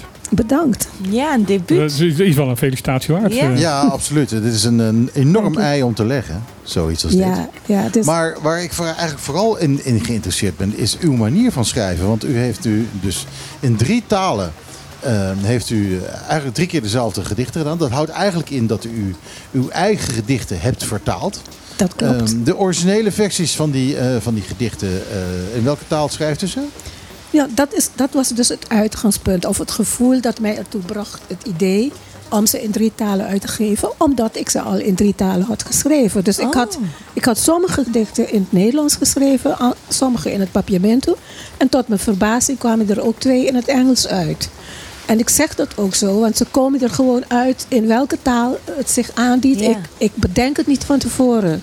En u bent ook drietalig, viertalig opgevoed? Ehm, nou, nee. Ik, ik, mijn, mijn moedertaal is het papiamento, maar vanaf van kinds, af aan heb ik heel veel gelezen. En dat was Nederlands onderwijs. Dus de- ik las ook eh, bijna altijd, zeker in mijn kinderjaren, Nederlandse boeken, Nederlandstalige boeken. Want je had ook niet veel ehm, boeken in het papiamento toen. Nee, de klassiekers zijn ook niet vertaald in het papiament. hè? Nee, weinig. Nee, maar het gaat, het gaat altijd samen. Mensen die, mensen die schrijven zijn ook mensen die altijd heel veel lezen. En dat moet ook. als je, niet, eh, als je niet veel leest, dan kun je ook niet goed schrijven. Nee, maar veel lezen motiveert ook. Ja. Maar je, je leert ook van, van lezen. Je leert, je leert- leert van lezen hoe je moet schrijven. Denk ik. Precies. Dat, ja, ja, maar het is toch anders. Ja, het is absoluut anders. Ik, bedoel, eh, ik, ik, ben dan, ik ben geen schrijver, maar ik ben wel journalist en ik schrijf wel artikelen. Precies, dan weet je waar je, waar je het op het En heeft. eh, Ja. dat is ook een manier van schrijven. En, en Mhm. ehm, je moet het echt leren. Het is niet iets wat, Ja. wat, wat, wat, je- gewoon komt aanwaaien. Nee. Het is niet een talent waar je zegt van ik ben nu schrijver en ik ga nu schrijven. Het is een, het is, het is een, het is een eh, ambacht. Ja, maar een ambacht gedicht... En het is ook een kunst. Het is Ja. allebei Ja, precies. precies. Ja. Een, een, een gedicht eh, eh, is geen proza. Er, er, er komt veel meer bij Ja, kijken. zeker. Er komt een metrum bij kijken. Er, komt, eh, er komen stijlvormen bij kijken. Je moet bij, En dan lijkt het me heel moeilijk Ja, zeker. om, eh, een, als je een gedicht hebt, dan heb je een gedicht van A tot Z. Dat is gewoon, het, dat klopt helemaal qua metrum, eh, qua stijlvormen en, en alles. Mm. Dan moet je dat gaan vertalen en nog proberen om binnen diezelfde, diezelfde eh, Met andere woorden. Grenzen te blijven. Ja, met andere woorden, met andere begrippen. Want Ja. eh, Ja. Aan de andere kant is het natuurlijk heel erg mooi dat u het zelf gedaan heeft. Want u kunt er dan ook voor kiezen om eh, bijvoorbeeld een stijlvorm te veranderen. En dan worden die, die drie gedichten eigenlijk eh, ehm, eh, stukken op zichzelf. Ehm, en ik- ja, ik, heb het, ik heb het helaas niet gelezen. Ehm, eh, dus ik, ik, ik, ja, ik, ik weet niet hoe u dit gedaan heeft. Maar eh, daarom kan, heb ik geen andere keuze dan u te vragen. Ja. Hoe heeft u die aanpak gedaan? Ehm, nou, dat ging eigenlijk een beetje onbewust en intuïtief. Dus van het intuïtieve onbewuste naar het bewuste. Want ehm, dat idee om, om het in drie talen uit te geven kwam dus omdat ik al die, die, die drie talen had geschreven. En toen dacht ik, als ik ze wil uitgeven, dan wil ik ook dat ze in alle, alle gedichten in al die drie talen eh, uitkomen. En toen dacht ik, nou, dan wil ik ze laten vertalen. En in de eerste instantie heb ik eh, mijn Nederlandstalige gedichten in het papiamento laten vertalen. En dat, is, dat was eigenlijk de eerste stap, denk ik. Oké, Ik oh, dat heb- heeft u dus niet zelf gedaan? Heeft Nee, iemand in het Ja. niet. Daarvoor heb ik wel eh, Lucille Berry-Hasset eh, graag bereid gevonden. Een, een papiamentiste en dichteres Ja. ook. En op Curaçao. En die gaf mij dan ook meteen feedback op die Papiamentalige gedichten. En de volgende fase was, eh, ik had een proeflezer eh, in het Nederlands. Die, die wilde heel graag mijn gedichten in het Nederlands lezen.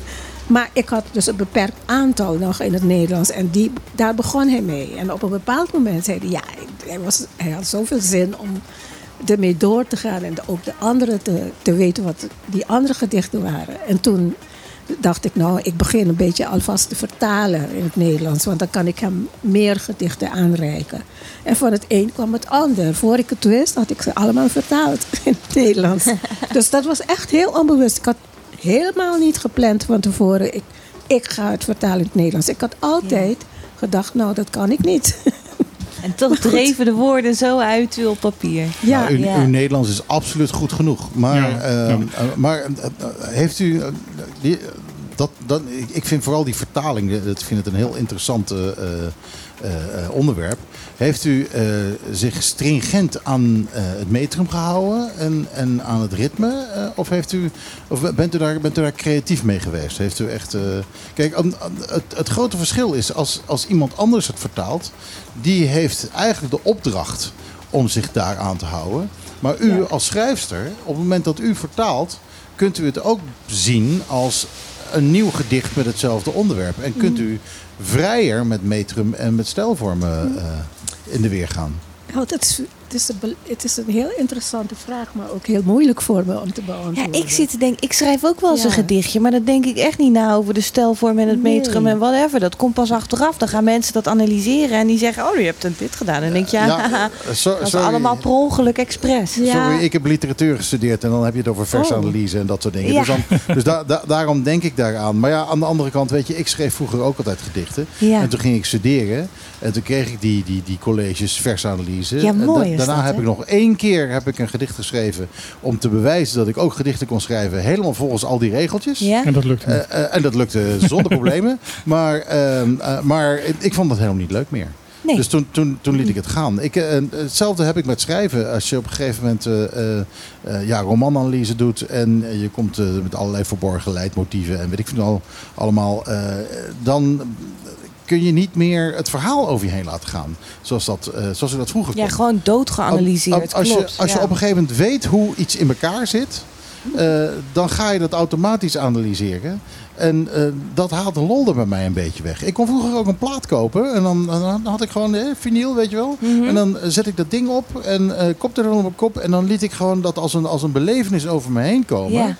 Eh, maar ja, toen ging ik muziek produceren. En nu, als ik een stuk muziek hoor, dan, dan ga ik zitten luisteren. Hey, zit er galm op de stem? Eh, eh, hoe Ja, is jij gaat analyseren hoeveel Ehm, synthesizers zitten erin. Van, hé, hey, dat is opvallend. Er zit geen basgitaar in. Weet je, dat, dat soort dingen. Dat, en je gaat op, een- op een andere manier ga je met die kunstvorm om. ja.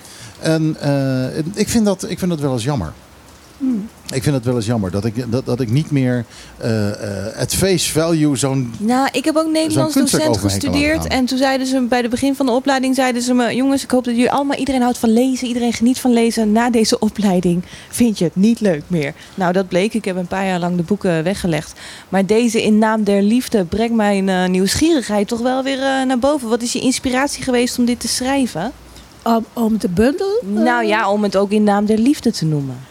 Oh, eh, nou, ik had dus in eerste instantie alle gedichten die ik had geschreven bij elkaar gebracht. Ik heb ze eh, een beetje gethematiseerd en in, in, in, in secties ondergebracht en zo. Ook de volgorde be- bepaald.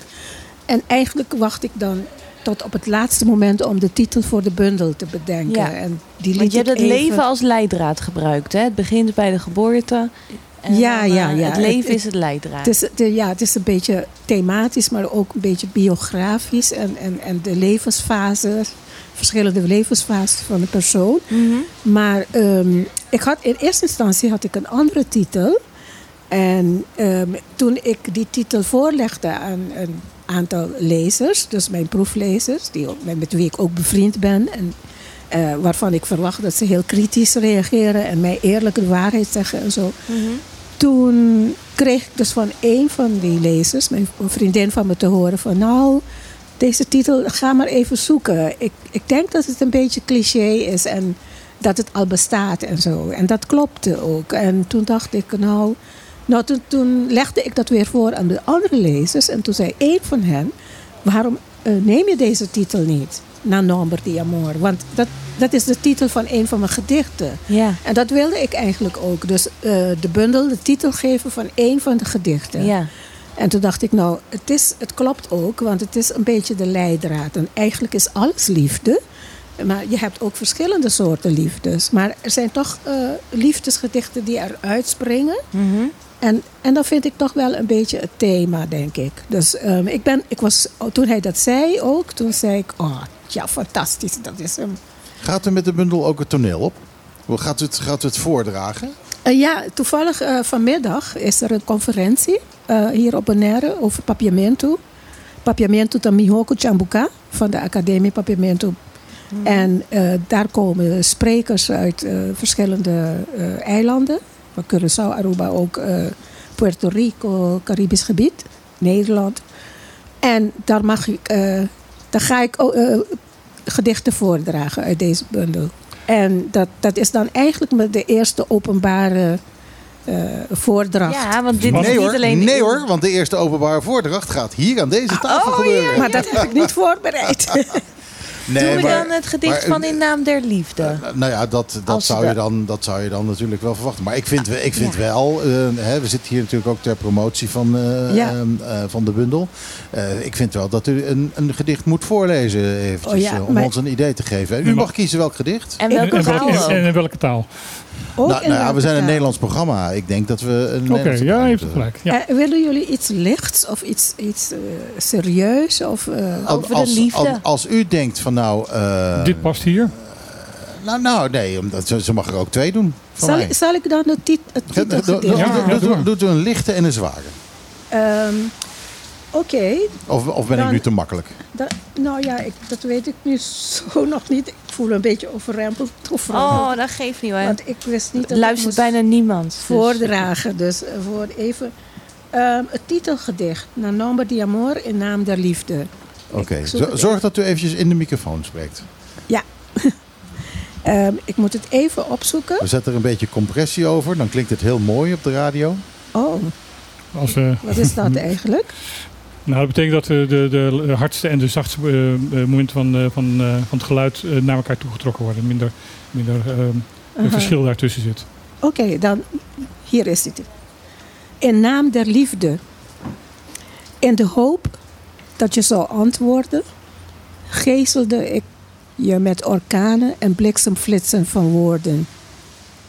Alles in naam der liefde. Alles om je te bereiken.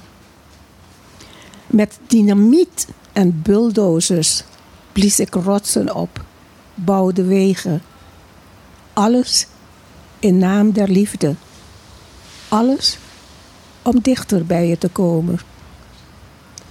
In mijn verlangen naar eenwording opende ik deuren wijd voor je.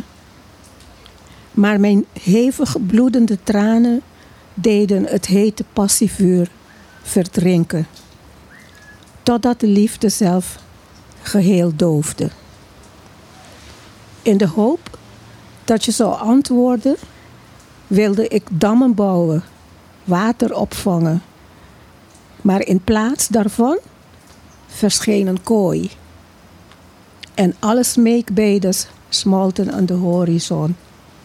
Alle antwoorden waaiden weg met de wind. In naam der liefde laat ik je nu gaan. Een gouden kooi wilde ik nooit bouwen. Aan jouw oever wil ik niet meer toeven. Vrij zijn wij om weer weg te vliegen. Mijn- Mijn microfoon stond er helemaal dicht van. Eh, het is overduidelijk een heel erg persoonlijk gedicht. Echt schitterend hoor. Het is echt schitterend. Ja, dat hoor, heb ik ook gehoord van anderen die zeggen dat het heel persoonlijk is. Terwijl, ja, het is, je, je hoopt natuurlijk ook dat het universeel is. Dat, Ja. dat, dat het anderen nou, ik denk kan, dat iemand, iedereen raken. wel iemand heeft die niet aan zijn oever mag zitten hoor. Dus, nou, eh, dit, dit, dit is geen gedicht dat u dacht van nou, eh, ik ga vanavond maar eens even een gedichtje schrijven en dat je ervoor gaat zitten. Eh, dit, dit, dit, Nee. dit, komt, dit komt duidelijk uit uw tenen. Dankjewel. Dat, dat hoor ik er wel aan. Ja, dank je. Ik, eh, ik, ik heb nog even in, in de over. eh, in, heel even dacht van nou, zal ik er. Zal ik er Ik wil nog één, één vraag stellen. ja, ik moet ook even schooien zometeen. eh, ja, nou, nee, nee, oké, dan, dan, ga, dan ga ik niet zeggen wat ik ging zeggen. Even, stel je vraag. U, u, u schrijft drietalig. Tenminste, eh, eh, veel van de dingen die, die u heeft geschreven, die heeft u in drietalig geschreven. In, Ja. welk- in welke taal droomt u? Nou, ik denk dat ik in het papiamento droom, maar soms ook in het Nederlands. En misschien ook een beetje in het Engels of zo. Eh, hangt er vanaf met wie ik in de droom praat natuurlijk. Mooi antwoord. Eerlijk antwoord, Ja. absoluut. Ja. Nee, ik, ik zat te overwegen, want je hebt in Nederland heb je, eh, god hoe heet het ook weer? Eh, eh, Candlelight heb je, hè? Dat, oh ja, ja, ja Jan, van Veen. Ja, ja, en die draait dan altijd zo'n eh, eh, zo'n muziekje onder, zo'n zo- dat, dat Mantovani draait er altijd onder. Zo'n, En dan gaat daar een gedicht ja, overheen. ja dan, dan, dan krijg je dit, hè? Dan, eh, Die muziek hebben jullie die van Candlelight. ja, dat, dat, dat is deze. Maar ja, dit- als je hier overheen praat, hè, dat is toch eigenlijk hetzelfde als rappen. Maar dan rappen gebeurt op een beat. En dan, dan een gedicht voordragen. Nee, maar Jan van Veen dro- droeg dan altijd die gedichten voor. Ja, die, En aangezien dit, deze muziek daaronder stond, dan deed hij dat altijd. Zo. ja heel, heel laag altijd. Miauw. Ja, precies, ja. Goed. leuk. Ja. Ehm, ik heb even een schoolmomentje. Ina, Ini, ehm, Ja. de bibliotheek hier op Bonaire, die heeft heel weinig boeken. Ehm, krijgen zij een exemplaar van jouw gedichtenbundel? Ja, nou, als ze dat willen hebben, dan wil ik dat graag eh, Ja? geven, ja. Oh, of heel eh, misschien willen ze dat ook wel kopen. Ja. Want ik, ik bepaal natuurlijk niet zelf eh, of ik wat te, kan geven. Ik bedoel, je krijgt als auteur krijg je een beperkt aantal present exemplaren. En dan als ik telkens iets moet Dus- geven, moet ik het zelf kopen. Ja, Nee, het, is, Dus- het is gebruikelijk dat eh, uitgeverijen eh, aan eh, bibliotheken geven. oké. Ik heb de- Oké. mijn, mijn vader is, eh, is 100 jaar. En die, heeft Oh. vorig, en die heeft vorig jaar heeft hij nog een boek uitgegeven. En ook Goh. dat ligt in de bibliotheek in Nederland. En ik heb al eh, bij, bij Meulenhof, want het is uitgegeven bij Meulenhof. Hoe heet het? Ehm, eh, dat deed je gewoon.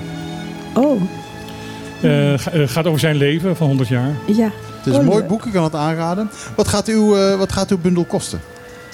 Ehm, we hebben, eh, we- ik, ik doe dus boekpresentaties op eh Curaçao, Bonaire en Aruba. Want ja, dat weten mensen misschien niet. Want ik voel me met al die drie eilanden verbonden. Omdat ik op Aruba ben geboren. Ouders uit Bonaire. En ik woon op Curaçao. Dus ik heb het nu zo uitgestippeld dat ik op alle drie eilanden boekpresentaties doe. Ja, en u spreekt die- ook Spaans, Portugees en Frans, lees Ja, ik net. nou ja, ik, ik ken die talen ook. Maar ik, ik wil dus eh, op Bonaire de boekpresentatie op 30 november doen. Woensdag 30 november. En eh, dat is ook zo afgesproken. Waar gaat Eh, u dat houden? Dat is in het Plaza Resort ehm, Hotel. En, En iedereen is welkom? ja, en vooral de schrijvers en dichters van Bonaire. Oh, nou Ja. ik denk dat er heel veel ongepubliceerde schrijvers en dichters hier op het Ja. eiland zijn. Ook liedjesschrijvers, Michiel? Ze mogen allemaal komen. Dus welke taal ze ook schrijven, Ja. mogen ze komen. Ja. Is het s'avonds, middags, morgens? S'avonds. Het begint om 7 uur en vanaf half 7 is de zaal Binnenloop. open. En het Nou. wordt ondersteund door het OCW. OCW Ja. gaat het regelen. Nou, en eh Plaza heeft ook hartstikke goede koffie en cake altijd. Dus eh, ik, eh, ik kom hoor. Ja, maar mijn vraag was, wat gaat de bundel kosten? Oh, wat? Ja, dus dat, daar wilde ik eh, naartoe. Eh, op de, eh, bij de boekpresentaties he- heeft het boek een speciale prijs. En dat is 20 dollar. Maar in de boekhandel gaat het meer kosten later. Ja, dus het, Ja. Is, eh, het, het loont echt om even naar plaatsen te gaan. Ja, en, en eh, om het daar te kopen. Ja, dus eh, die avond eh, is een speciale prijs. Oké. Nou, fantastisch. Eh, we sturen in ieder geval Lisanne naartoe. Ja, ik ga erheen. Hartstikke mooi. En ja, heel gaaf om te zien. En eh, ook inderdaad voor iedereen die dus eh, niet die 20 dollar wil uitgeven. Lid worden van de Biep is maar 6 dollar per jaar. Precies. Je maakt ook nog even reclame. Ja, ik wil de baan. Ik wil je heel hartelijk danken en ik wens je ontzettend veel eh, succes eh, met alle lezingen en, en eh, ja, het plezier van, eh, van zo'n presentatie, want dat, dat is het gewoon. Mhm.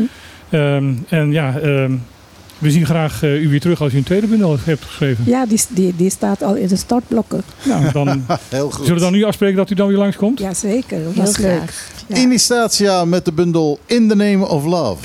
Dank je.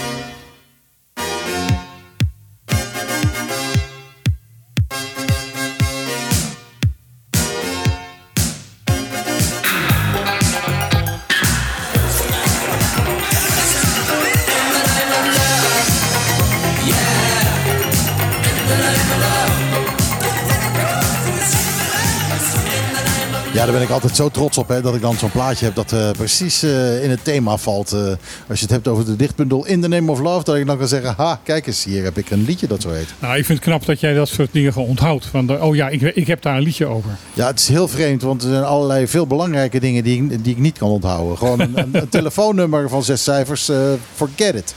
Dat, eh, dat gaat gewoon niet. Als ik iemand ontmoet eh, en die zegt, eh, ja hallo, mijn naam is Brian. dan, Dan ben je dat binnen, binnen een uur ben je vergeten. Binnen een minuut. Binnen een minuut. en, dan, dan, en dan zit ik met iemand te praten. En dan denk ik, fuck, fuck, fuck, hoe heet die gast? Dat is gaat het verschrikkelijk. Verschrikkelijk is het. Heb jij ook wel eens als je mensen tegenkomt op straat dat je echt denkt van ik moet jou kennen, maar waarvan?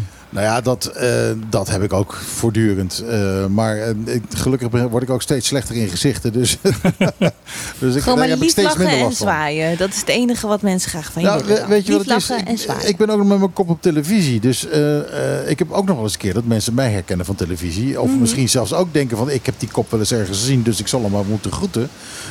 En die zeggen dan hallo tegen me. En dan heb ik geen idee wie zij zijn. En vaak hebben zij ook geen idee wie ik ben. ja, maar je dat- groet elkaar gewoon, dat is ook des eilands. Ja, ja, dat, dat, Ja. dat- Ja, dat is tuurlijk, waar. dat, dat is wel zo. Dus ze kennen je niet altijd van televisie. Ook gewoon vriendelijkheid ja, nee, en dat, dat, dat, hartelijkheid. dat weet ik wel. Maar het is, dat is de het, zo, het is zo pijnlijk als je elkaar, eh, elkaar tegenkomt en die ander weet, kent jou heel duidelijk wel. Eh, maar jij weet gewoon bij God niet meer wie het is. Ja, En weet niet, is dat- dat zo pijnlijk? Mensen moeten er ook maar een beetje begrip voor hebben hoor. Dat denk ik dan. Nou, We kunnen niet maar- alles onthouden. Maar, het is ook wel eens heel raar. Want dan ga ik naar een restaurant en dan zit daar een heel groep Amerikanen. En die kijken me aan alsof ze water zien branden. En dan denk ik van, wat heb ik een, grote, heb ik nou aan? heb ik een grote vlek op mijn shirt of iets dergelijks? En dan is het, ach nee, die gasten hebben me natuurlijk op televisie gezien. Ja. En dat, eh, eh, ja, dat, dat, dat is iets. In, in Amerika gebeurt natuurlijk helemaal nooit. In Nederland eh, met, eh, met, met slechts 11 miljoen mensen. Of nee, nou, nee, niet meer. 17 natuurlijk. Mhm. Maar eh, dan nog eh, hè, bekende Nederlanders tegenkomen. Dat gebeurt gewoon wel eens. Maar in Amerika met de miljoenen mensen die ze daar hebben, gebeurt het natuurlijk bijna nooit dat je iemand van televisie tegenkomt. Dus eh, ja, dan, dan vallen meteen die monden open. Ja, En dat, Maar Amerikanen blijven nog altijd gekke mensen. Goed, over gekke mensen gesproken, mogen we nou eindelijk over de rechtszaak praten? ja, ja. Nou. jij, mag, jij mag over de rechtszaak Ja, praten. nou, eh, de rechter, eh, we, hebben dus een WOP-verzoek ingediend. Dat WOP-verzoek werd een rechtszaak. Wij naar de- met z'n allen naar de rechter tegen het OLB. Want ja, OLB had niet alle informatie gegeven. Zeg ik het nog goed, Martijn? Eh, het is wel heel kort het bocht. Ja. Maar goed, wij zaten daar in ons goede goed eh, die rechtszaak uit, eh, af te wachten. We hebben ons woordje gedaan en dan zal 4 november uitspraak komen. En wij wachten vrijdag in ons goede goed, 10 uur voor de rechtbank, geen uitspraak. Ik ben ondertussen achter wat er aan de hand was. Nou, wat was er aan de hand? Wij hadden te horen gekregen dat er een, een zitting zou- zijn waar de uitspraak zou komen. Ja. Ehm, alleen, ehm, die was niet hier, die was in Curaçao. Oh, Eh, het is namelijk wettelijk verplicht dat eh, zo'n uitspraak ja. eh, mondeling uitgesproken wordt door de rechter. Ja.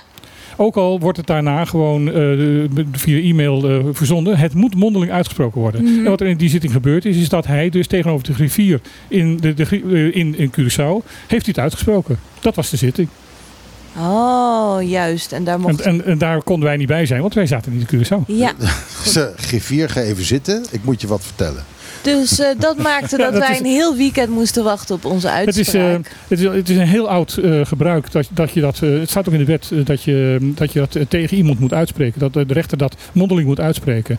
Alleen het is al, ook al eh, eh, ja, meer dan een eeuw gebruik van dat hij dat dus heel vaak doet ehm, eh, tegen iemand van de, de rechtbank zelf. Omdat dan de uitspraak verder eh, schriftelijk, het, vroeger per brief of per telegram eh, en tegenwoordig per mail ehm, naar de, degene waarover de rechtszaak gaat wordt, wordt gestuurd. Ja. Dus Eh, maar, dit, dit heb, heb ik van een, een, een, een jurist in Nederland gehoord. Of die eh, mij, kan natuurlijk mij ook iets compleets onzin op mijn eh, ma- mouw gespeeld hebben. Maar dit is het verhaal kan een ik heb logische maar goed, wat was die uitspraak nou? De uitspraak is dat eh, wij hadden gezegd van eh, we hebben te weinig informatie gekregen. Wij weten eh, zeker dat er meer informatie bij het OLB zou moeten zijn. Laat ik het voorzichtig zeggen. En dan gaat het over de asbest die Het, ja, de, de, de, het ging over dat wij informatie wilden hebben over asbest op het terrein waar nu Choco op staat. Mhm. Waar vroeger heel lang geleden Sun Beach, eh, eh, eh, Sun Beach Resort heeft gestaan, het hotel heeft gestaan. Eh, waar ook nog Coco Beach heeft, heeft gestaan. Mhm. Coco Beach eh, eh, Café. Ja, ja Bar. Coco, Coco Beach stond gewoon downwind van eh, de ruïnes van het oude Sunset Beach Hotel. En, wij Eh, hadden, en wij hadden aanwijzing gekregen dat daar eh, asbest zou liggen op dat terrein. Mhm.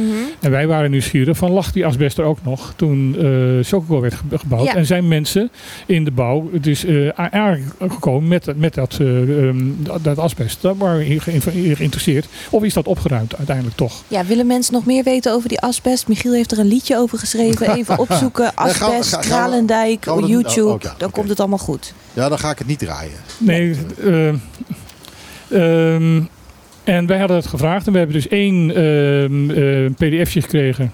Eh, of één, ja, één, één eh, pdfje gekregen met eh, negen pagina's met foto's erop. Van alle mogelijke ehm, plekken op Bonaire waar eh, asbest zou kunnen liggen. Mhm. Maar niet door wie het was gemaakt, niet wanneer het was gemaakt en met welke reden het was gemaakt en welke documentatie erbij was. Dus toen hebben we gezegd: ja, dit pikken we niet, eh, er moet meer eh, informatie zijn. Dus we zijn, hebben een, ehm, een, een beroepszaak eh, voor administratief eh, recht. Dat is dus bestuursrecht. Mhm. En eh, je hebt inderdaad goed gezegd van we hebben daarover gepraat. En toen bleek dat het eh, eh, OLB zei van we hebben niks. We hebben echt helemaal niks.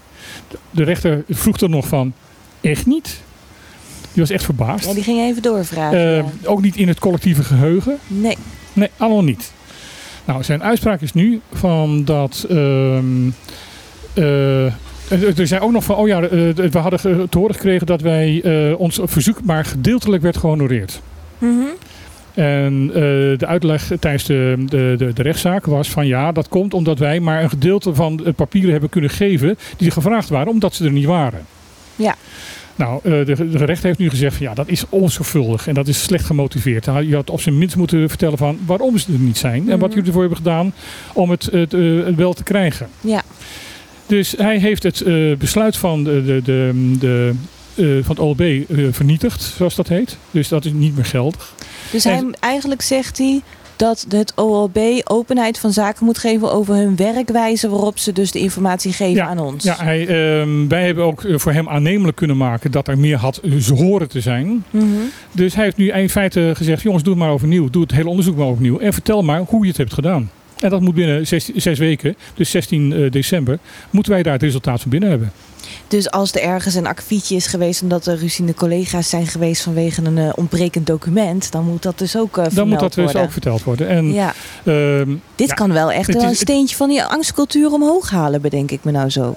Dat kan het. En eh, het is een tik op de vingers van het OLB door de rechter. Van jongens, jullie moeten transparanter zijn. Je moet opener zijn. Je moet eh, meer openbaar. Die, open, de, die term openbaarheid moet je gewoon eh, beter gaan implementeren. Dit kan niet, wat, wat jullie aan het doen zijn. En dat is iets wat jurisprudentie is. Dus er is een, een, uitspraak die dus ook voor andere zaken gaat gelden. Ja. En, ja, maar dit is voor het eerst dat de rechter eigenlijk zoiets zegt tegen het. OLB. Ja. Ja, dat is de Oh, eerste dat- keer dat dit, dat dit gebeurt. Van, oh, dat de rechter zo duidelijk op, de, op zijn hun vingers stikt van... jongens, eh, zo kun je het niet doen. Jullie moeten eh, openbaarheid van bestuur... dan zou je ook openbaarheid moeten geven. Ja, en wij hebben al vaker eh, het gevoel dat er een beetje de hand wordt gelicht met die WOP-verzoeken. Ja. Eh, we zien wel vaker dat, eh, dat er WOP-verzoeken zijn, het zij door ons, het zij door anderen. waarbij we zoiets hebben van waarom staat deze of gene informatie er niet in? Waarom, waarom zus of zo niet? Hè? We, er is een WOP-verzoek geweest over Bachelor Beach. Ehm, en daar mist gewoon duidelijk informatie. Er, er, er zijn dingen van je, waarvan je weet van nou, daar moet over gepraat zijn. Eh, daar moet co- eh, correspondentie over zijn. En dat staat niet in dit WOP-bezoek. Hoe zit dat? Nou, en wat dus het mooie van deze uitspraak is... dat in feite voortaan iedereen die een WOP-verzoek eh, doet... kan eisen van het OLB dat ze uitleggen hoe ze gezocht hebben. Mhm. En daar dus openheid in geven. Ja, en dit is, dat, dat is heel belangrijk. Maar goed, in dit geval vind ik het ook heel belangrijk dat er ook een keer duidelijkheid komt over hoe het nou precies zit met die asbest Ja. op die plek. Ja. Ehm, eh, en eh, ik denk wat dat betreft er ook wel een, eh, een, een blikje wormen open is getrokken. Want ehm, we krijgen dus te horen hoe het zit met de, met de asbest op het oude Sunset Beach. dus wat nu Shogogo is. Mhm. Hè, nu, nu het zand daar is weggespoeld door de regen, ligt nu die asbestgrond weer bo- boven? Of hoe zit dat? Mhm. Ehm, maar wat dan wel grappig is, wat ze ons wel gestuurd hebben, eh, die, die negen pagina's. Mhm. eh, daaruit blijkt wel dat asbest ook nog een ding is op de rest van het eiland. Ja, en daar, eh, zij kunnen zich nu beperken, omdat wij alleen maar beperkt hebben gevraagd naar, eh, naar, naar ja, Sunset Beach eh, Mhm. ehm, plek. Zouden ze nu inderdaad al die andere plekken nu gewoon kunnen negeren. Dus er gaat eh, zeer waarschijnlijk eh, van de week, eh, of komende week, een nieuw WOP-verzoek eh, eruit. Nou, werkverschaffing geen gebrek, hè? Eh, over van jongens, we willen informatie over alle plekken die in eh, dat- die PDF genoemd wordt. En misschien zelfs nog wel breder. Van, eh, alle, we willen alle informatie die bij het OLB bekend is over asbest op Bonaire. Jongen. Dat, eh, jij houdt van lezen. Ja.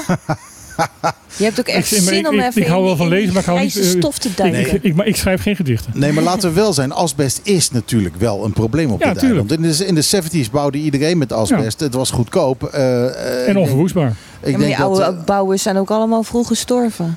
nou, nou ja, dat is misschien ook niet helemaal waar. Maar eh, kijk, zolang asbest eh, heel blijft, is er niks aan de hand. Daarom heel vaak hebben ze zoiets, nou oké, laat het nog maar even liggen. Maar eh, op heel veel daken eh, op dit eiland ligt asbest.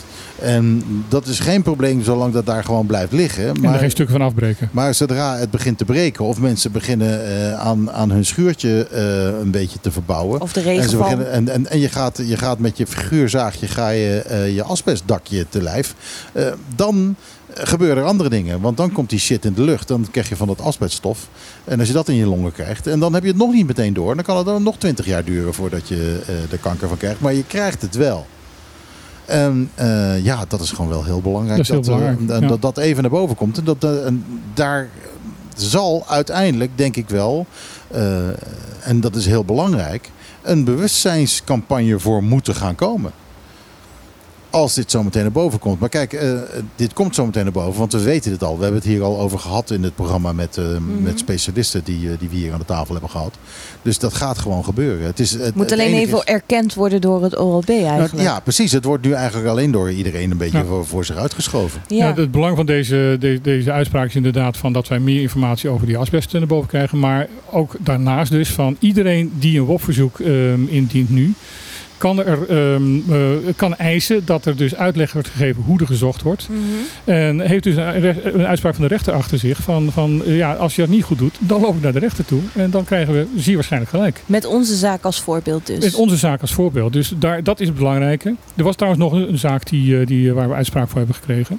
Dat ging over eh Bachelor Beach. Ja, ja maar dat was, eh, dat was eigenlijk geen WOP-verzoek. Maar toen weer wel een WOP-verzoek en toen weer niet een WOP-verzoek. Wij, Dus wij hebben is- een aantal journalistieke vragen gesteld aan het eh, bestuurscollege. En dat is opeens door het bestuur ehm, en, en door het OLB eh, behandeld als een WOP-verzoek. Ja, maar hebben- jullie zijn ook heel erg, ehm, hoe heet het? Sommige mensen zijn een beetje bang om antwoord te geven op jullie vraag. Dat kan ik me wel voorstellen soms. Want jullie zijn groot, eh, maar ik kan vast vertellen mensen, deze heren hebben een heel klein hartje hoor. En ze klinken heel boos soms en ze zien heel woest uit. Maar dat zijn ze eigenlijk helemaal niet. Nee, Nou, eh, niet om de een of ander, maar af en toe dan kan ik er wel behoorlijk woest van worden hoor. Ja. Echt, eh, echt wel. ja, maar uit, go- uit goede motieven. Uit goede moed. Ja, ja, ja. Ja. Maar ehm, om even, even dat, dat, dat rond te maken. ehm, de rechter zei in zijn uitspraak van jongens, dit is geen WOP-verzoek. Want eh, dat is belangrijk voor mensen die een WOP-verzoek in gaan dienen.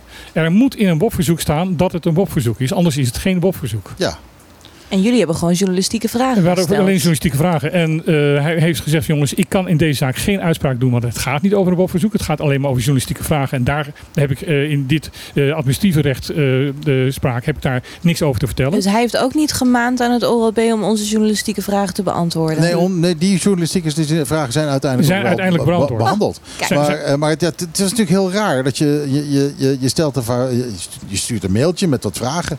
Eh, vervolgens word je gebeld. Is het een WOP-verzoek? Je zegt nee, het is geen WOP-verzoek. WOP-verzoek. Vervolgens krijg je een antwoord. We hebben uw WOP-verzoek eh, ontvangen. En over zes weken krijg je antwoord. Ja, communicatie. en wat ik belangrijk vond in de Dat wil je ook niet met je journalistieke vragen. Nee. Je wil er graag meteen antwoord Ja. op hebben.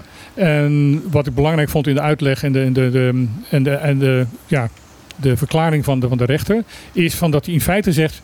Hoe is het in godsnaam mogelijk dat jullie dit als een WOP-verzoek hebben behandeld? Want eh, al- alles is duidelijk dat dat dus niet zo is. Ja. Dus eigenlijk ook een soort hoofdschuddend verbazing naar het OLB. Van jongens, hoe kunnen jullie dit in hemelsnaam als een WOP-verzoek eh, eh, behandelen? Nou, ook dat is een, een behoorlijke tik op de vingers. Ja. Ja, en dat was overal te lezen. Hè? Ja. Amigo, Antilliaans Dagblad, MeeGTFM had een gesponsord bericht van gemaakt. Ja, maar goed, dat, is, gedaan. dat is ook gewoon omdat dit eh, een, eh, best zwaarwegend is voor de toekomst. Eh, eh, ik bedoel, eh, Iedereen die nu ook, eh, ehm, ook gewoon bur- burgers die een WOP-verzoek ehm, ehm, indienen, eh, kunnen eh, nu gewoon gebruik maken van wat de rechter heeft gezegd over dit WOP-verzoek. Namelijk, Mhm. er moet uitleg gegeven worden over hoe er gezocht is naar de ge- gevraagde documenten. Ja. En ik kan me ook eigenlijk niet voorstellen dat dit voor het eerst is dat de OLB op het vingers getikt wordt. Dat het dat, de eerste dat is het ook niet, maar nog niet hierover, denk ik. Ah, dat is het hem. Het, Ja. eh, eh, het is, het- je merkt aan alles dat, eh, dat lokale overheid eh, eh, ja, gewoon het hele fenomeen WOP-verzoek eh, eh, niet, begrijpt. gewend is. Maar Ja. goed, dat is in Nederland net zo hard hoor. Het is en, en iedereen heeft daar zijn eigen ideeën over. En eh, ja, zoals ik al zei, ik merk heel vaak dat, er- dat er gewoon hier nog niet. eh, En WOP betekent men- wet mensen nog niet begrijpen wat ze. Ja, Ja, dat mensen ja. niet begrijpen wat ze nou wel en wat ze niet eh, daarin moeten doen. Eh, aan de andere kant zie ik ook eh, in Nederland bijvoorbeeld. En je ziet veel Nederlanders die. eh, Juist eh, wel heel erg bewust zijn van het fenomeen WOP-verzoek. En daarom vaak dingen gewoon niet vastleggen. Maar graag eh, mondeling willen, eh willen Je ziet in. Nederland heel veel ambtenaren ehm, niks meer opschrijven, omdat er dan eh, het ook, wat niet opgeschreven is, kan niet, niet gewopt worden. Dus ehm, dat, is een hele Gewoon slechte, indekken voor corruptie. dat is een hele slechte ontwikkeling. Ja. Nou ja, maar dan, dan ben je dus corrupt bezig al. ja.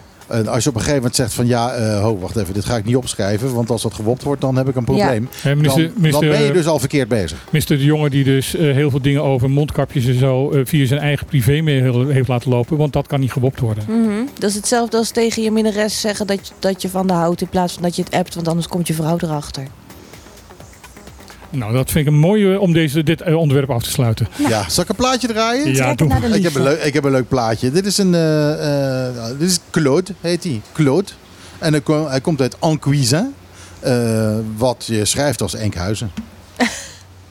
Moet ik wel even schuiven over zeggen. Laatste woorden, ça c'est mon dernier mot.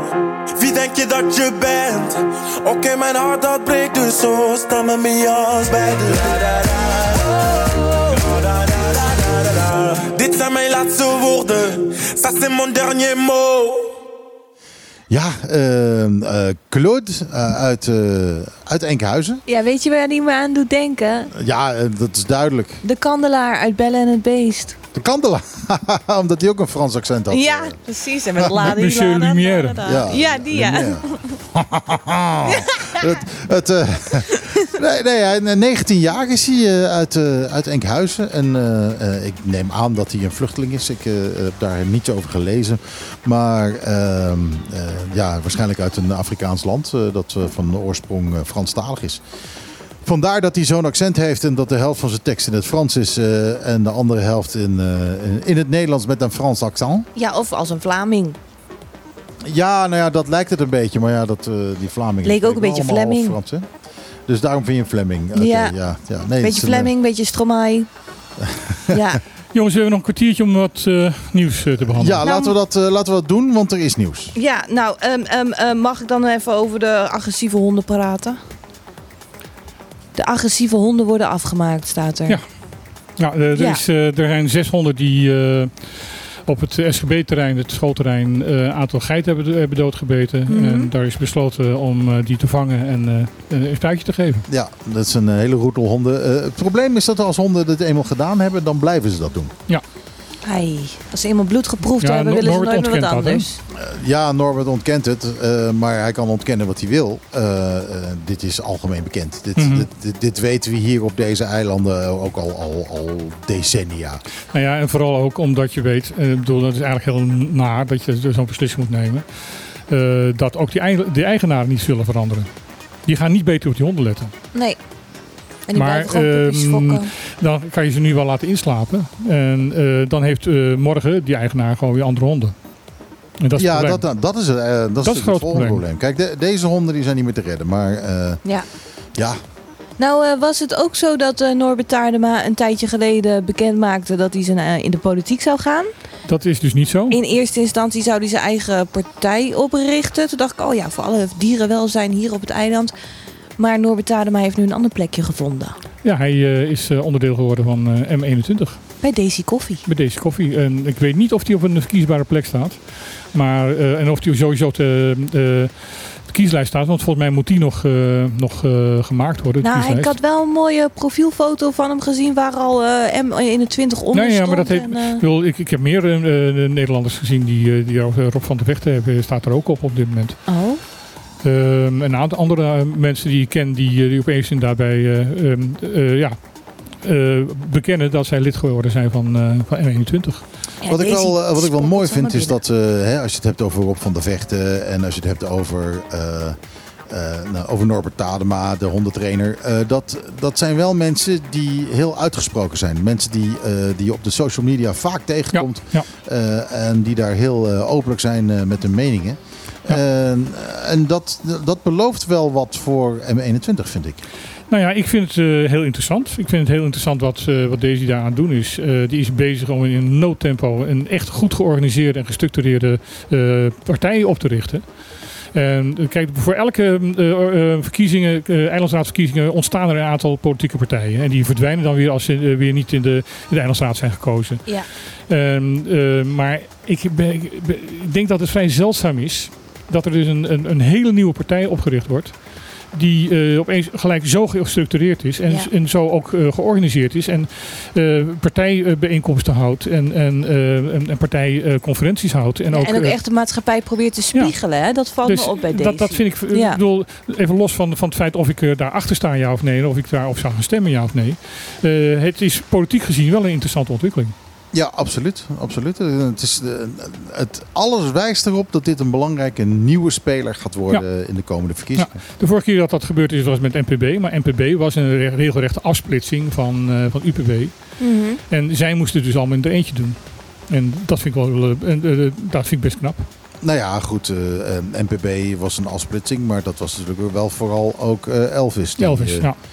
En, en die, die uit, eh, eh, uit de UPB was gestapt. Ja. Eh, ik, ik, ik sta even te... eh, Maar dan gaat lekker, het maar toch de- verder? uit welke partij kwam die ook Ja, alweer? precies. Ook uit de NPB. Ook uit, die komt uit, uit de Die- NPB gestapt. Zij was fractievoorzitter van de, van de NPB. Deze En is toen is ze verzet ziek- van het Toen is verzet. ze ziek geworden en naar Nederland. En toen ze terugkwam, kreeg ze te horen, tenminste dat is het verhaal, ehm, dat, ze- dat zij eh, geen fractievoorzitter meer kon zijn. En daar ehm, ja, was ze zo boos over dat ze de- eruit gestapt is. Ja, maar het is toch ook belachelijk dat er geen vrouwelijke fractievoorzitter is op het eiland? Dat is wel uh, Bernabela van de UPB. Oh, die, ik dacht dat de UPB eh, kroon had. Nee, de kroon is, eh, is gedeputeerde. Ah, En bon. de fractievoorzitter is, eh, is Bernabela. Maar die hebben we hier nog niet aan tafel Nee, gehad. die hebben we hier nog niet aan tafel. Wil ze hier naar tafel te komen, denk je? Dat is een kwestie van vragen lijkt me. Nou, de laatste keer niet. Oh, wat maakte dat ze Nou, de ze- laatste keer niet wilde was, komen? Ze was uitgenodigd eh, toen Kroon hier zat. Heeft hij haar uitgenodigd om ook te mee te komen. En toen is ze niet gekomen. Ik weet niet waarom, maar...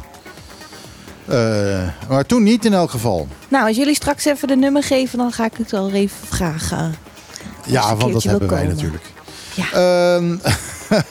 Eh, ander nieuws. Ehm, ik eh, zie hier dat eh, Angel Bermudez, de oud-directeur van ZVK... ehm, eh, was hij directeur trouwens? Ja, hij was directeur van, van ZVK. Oké. Hij was de unit-directeur van, van ZVK. Oké, dat Angel Bermudez die zegt dat het sluiten van Bonlab onverstandig is. Hebben we daar sowieso nieuws over? Is er, en heeft, Nee, ik heb ook heeft de Nederland... staatssecretaris nou uiteindelijk eh, Nee, met, eh, dus- met onze politici gesproken? Zover ik weet heeft de staatssecretaris niet met onze politici gesproken. Maar eh, als iemand eh, die eh, onderdeel van de delegatie was eh, luistert, eh, laat dat even weten. Eh, er is wel, dat weet ik wel zeker, gesproken met eh, de Tweede Kamercommissie, eh vast Tweede Kamercommissie voor Koninkrijksrelaties. Daar is wel hierover gesproken. Ja, ja, nou hoop ik dat die eh, eh, wat meer slagkracht hebben en eh, de staatssecretaris eh, tot inkeer hebben gebracht. Maar, maar goed, Eh, eh, meneer Bermudez die zegt het sluiten Bonlab is onverstandig. Ik vind dat hij zich nogal op de vlakte houdt. Het is namelijk ronduit stupide. Ehm, eh, we hebben, als, als Bonlab wordt gesloten, hebben we nog maar één lab. Als daar iets mee gebeurt, weet ik veel, een simpel brandje is genoeg. Mhm. Ehm, maar we hebben bijvoorbeeld met, de met de apotheken gezien dat ehm, eventjes... eh, eh, Hoogziekteverzuim ook al een probleem ja, is. precies, precies. Even, even corona in de tent en het is, eh, en het is klaar. Het is klaar. En ehm, als je op een gegeven moment eh, een beetje onrust in de tent hebt, dan is het ook klaar.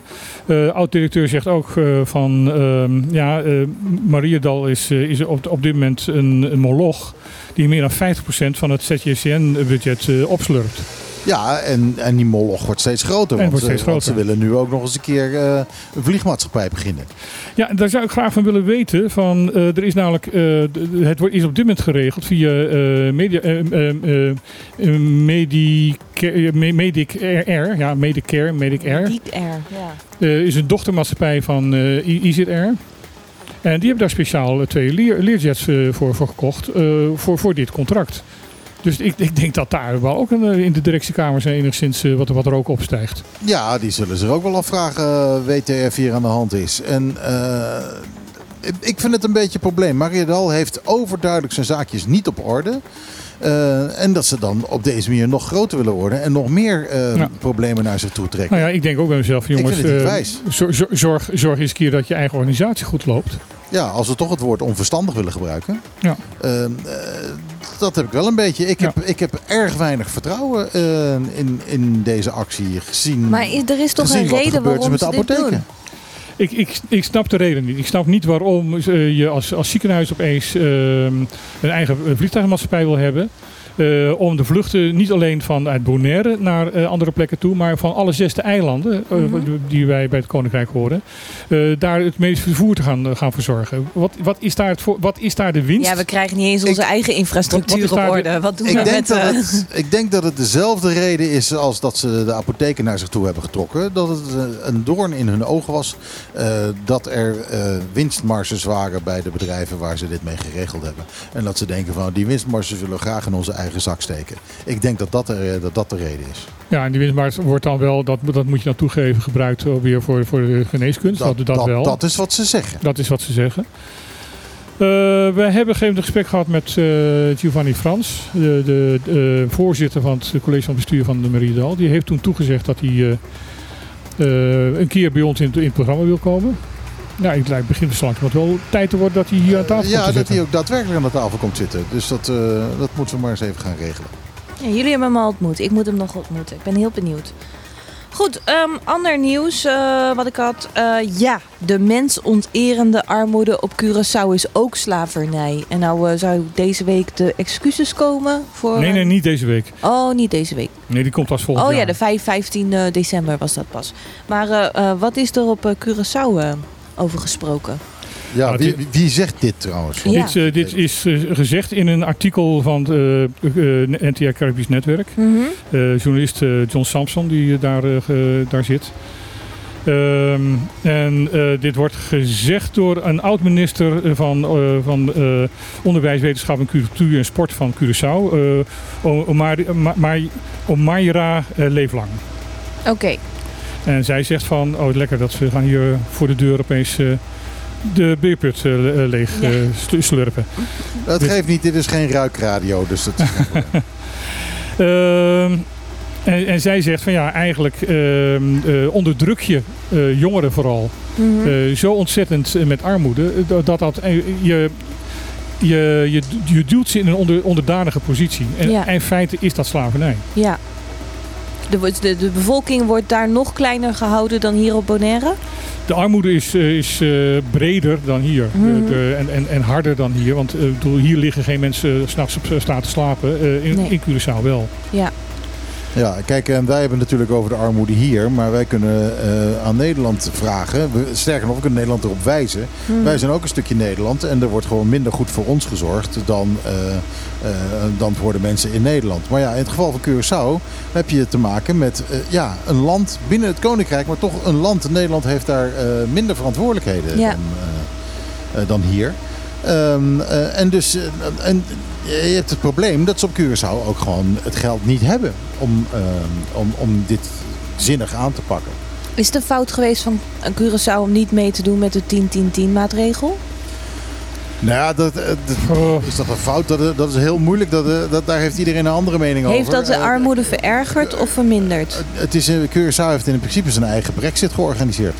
Eh, een Curexit was dit eigenlijk. Mhm. Eh, eh, alleen niet het Koninkrijk uit, maar wel ja, uit de Nederlandse Antillen. Mhm. En, en uit... ja, ze hebben niet gekozen voor nauwere banden met Nederland. En dus zijn ze niet in Nederland ondergebracht.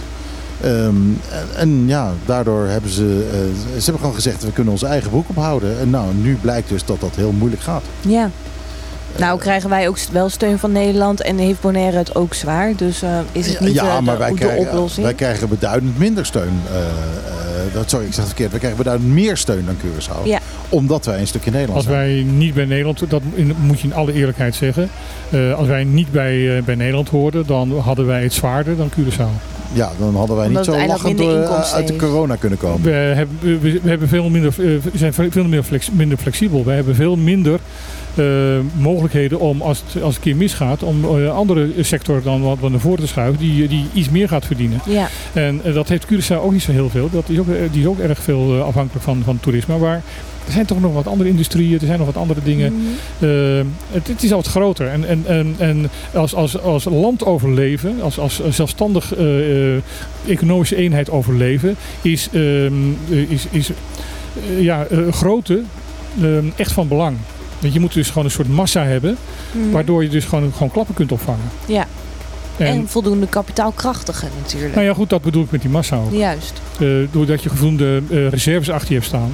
Zodat als er een gegeven moment iets gebeurt, wat, wat, zoals met de coronacrisis, dat je dat kan opvangen. En nu bleek ook weer de coronacrisis dat Cu- Curaçao en Sint Maarten en Aruba het in hun eentje ook niet konden redden. Omdat ze inderdaad die reserves dus niet hebben. Juist. Kijk, en hier bijvoorbeeld, eh, we, we zijn helemaal afhankelijk van, van toerisme. Maar je moet je eens even bedenken. Stel nou dat het inderdaad zo is dat in 2050, hè, zo wat nu de, de, de voorspellingen zijn, dat Mhm. in 2050 het water een meter hoger staat. Ja. Wat gaat er dan gebeuren met je toerisme? Ja. Nou ja, dat, dat wordt gedecimeerd. Ja, precies. En, Want, eh, maar want, dan, eh, dan kan je wel verwachten van dat Nederland dan, eh, net zoals bij de coronacrisis, ingrijpt en hier meer steun zal geven. Ja, maar goed, wat, wat, ga je doen? Kijk. Sorre- Sorrebon is weg. Sorbonne is weg, de zoutpannen zijn weg, zelfs waarschijnlijk een deel van het vliegveld ligt staat onder water. Ja, precies. De, de, de, de slavenhuisjes zijn weg. Dus, dus ja, belangrijke historische punten verdwijnen. Eh, al die halve strandjes die we hebben, die zijn weg. Ja. Eh, ja, het wordt, het wordt verschrikkelijk. Ja. Over, maar dat is over 30 jaar. Eh, laten we een beetje goed nieuws. Ik, ik zie ook goed nieuws gelukkig. Eh, mogelijk snel weer eieren in de supermarkt. Oh. Hoe zit dat? Ja. Ja, er zijn afspraken gemaakt over de prijzen. En eh, dat ook weer eh, buitenlandse eieren wat weer ma- makkelijker binnen kunnen komen. Oké. Eh, dat zou er moeten leiden, want dat er weer in, in meerdere supermarkten eh, weer eieren zijn. Ja, dus de eieren komen dus weer terug. Maar dan zullen ze waarschijnlijk wel iets duurder zijn. Dus zullen ze waarschijnlijk wel duurder zijn. Eh, Nu is het 2,60 per doos.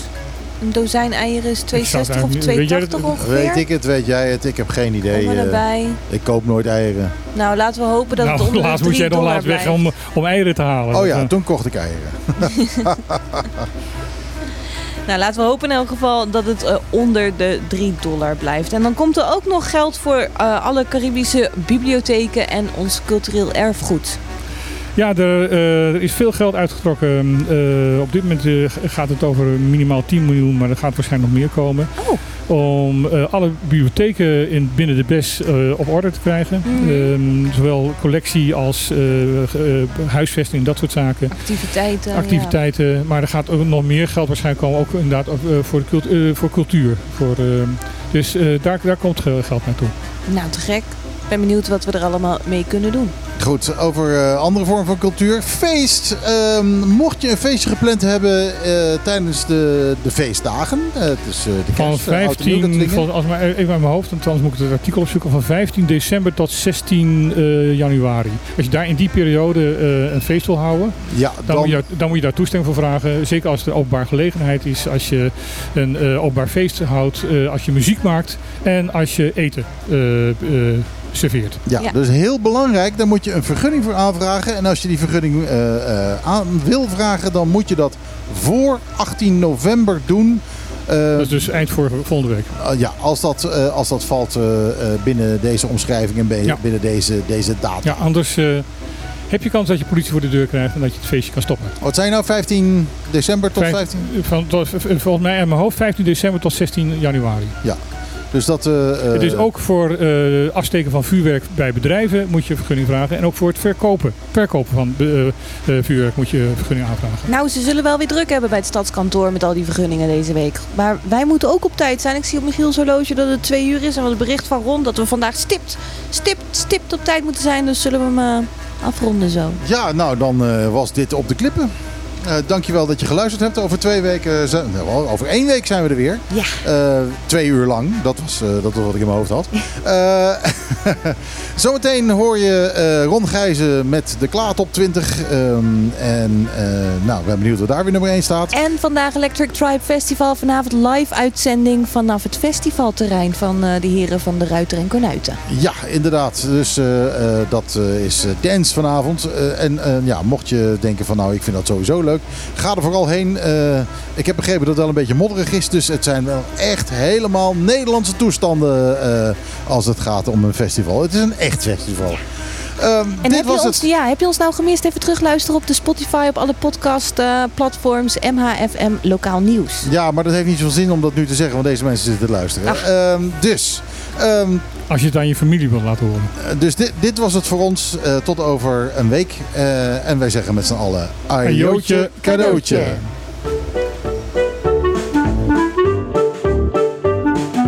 Elke zaterdag tussen 12 en 2. Michiel, Martijn, Lisan. Wat een feest. Dit is op de klippen.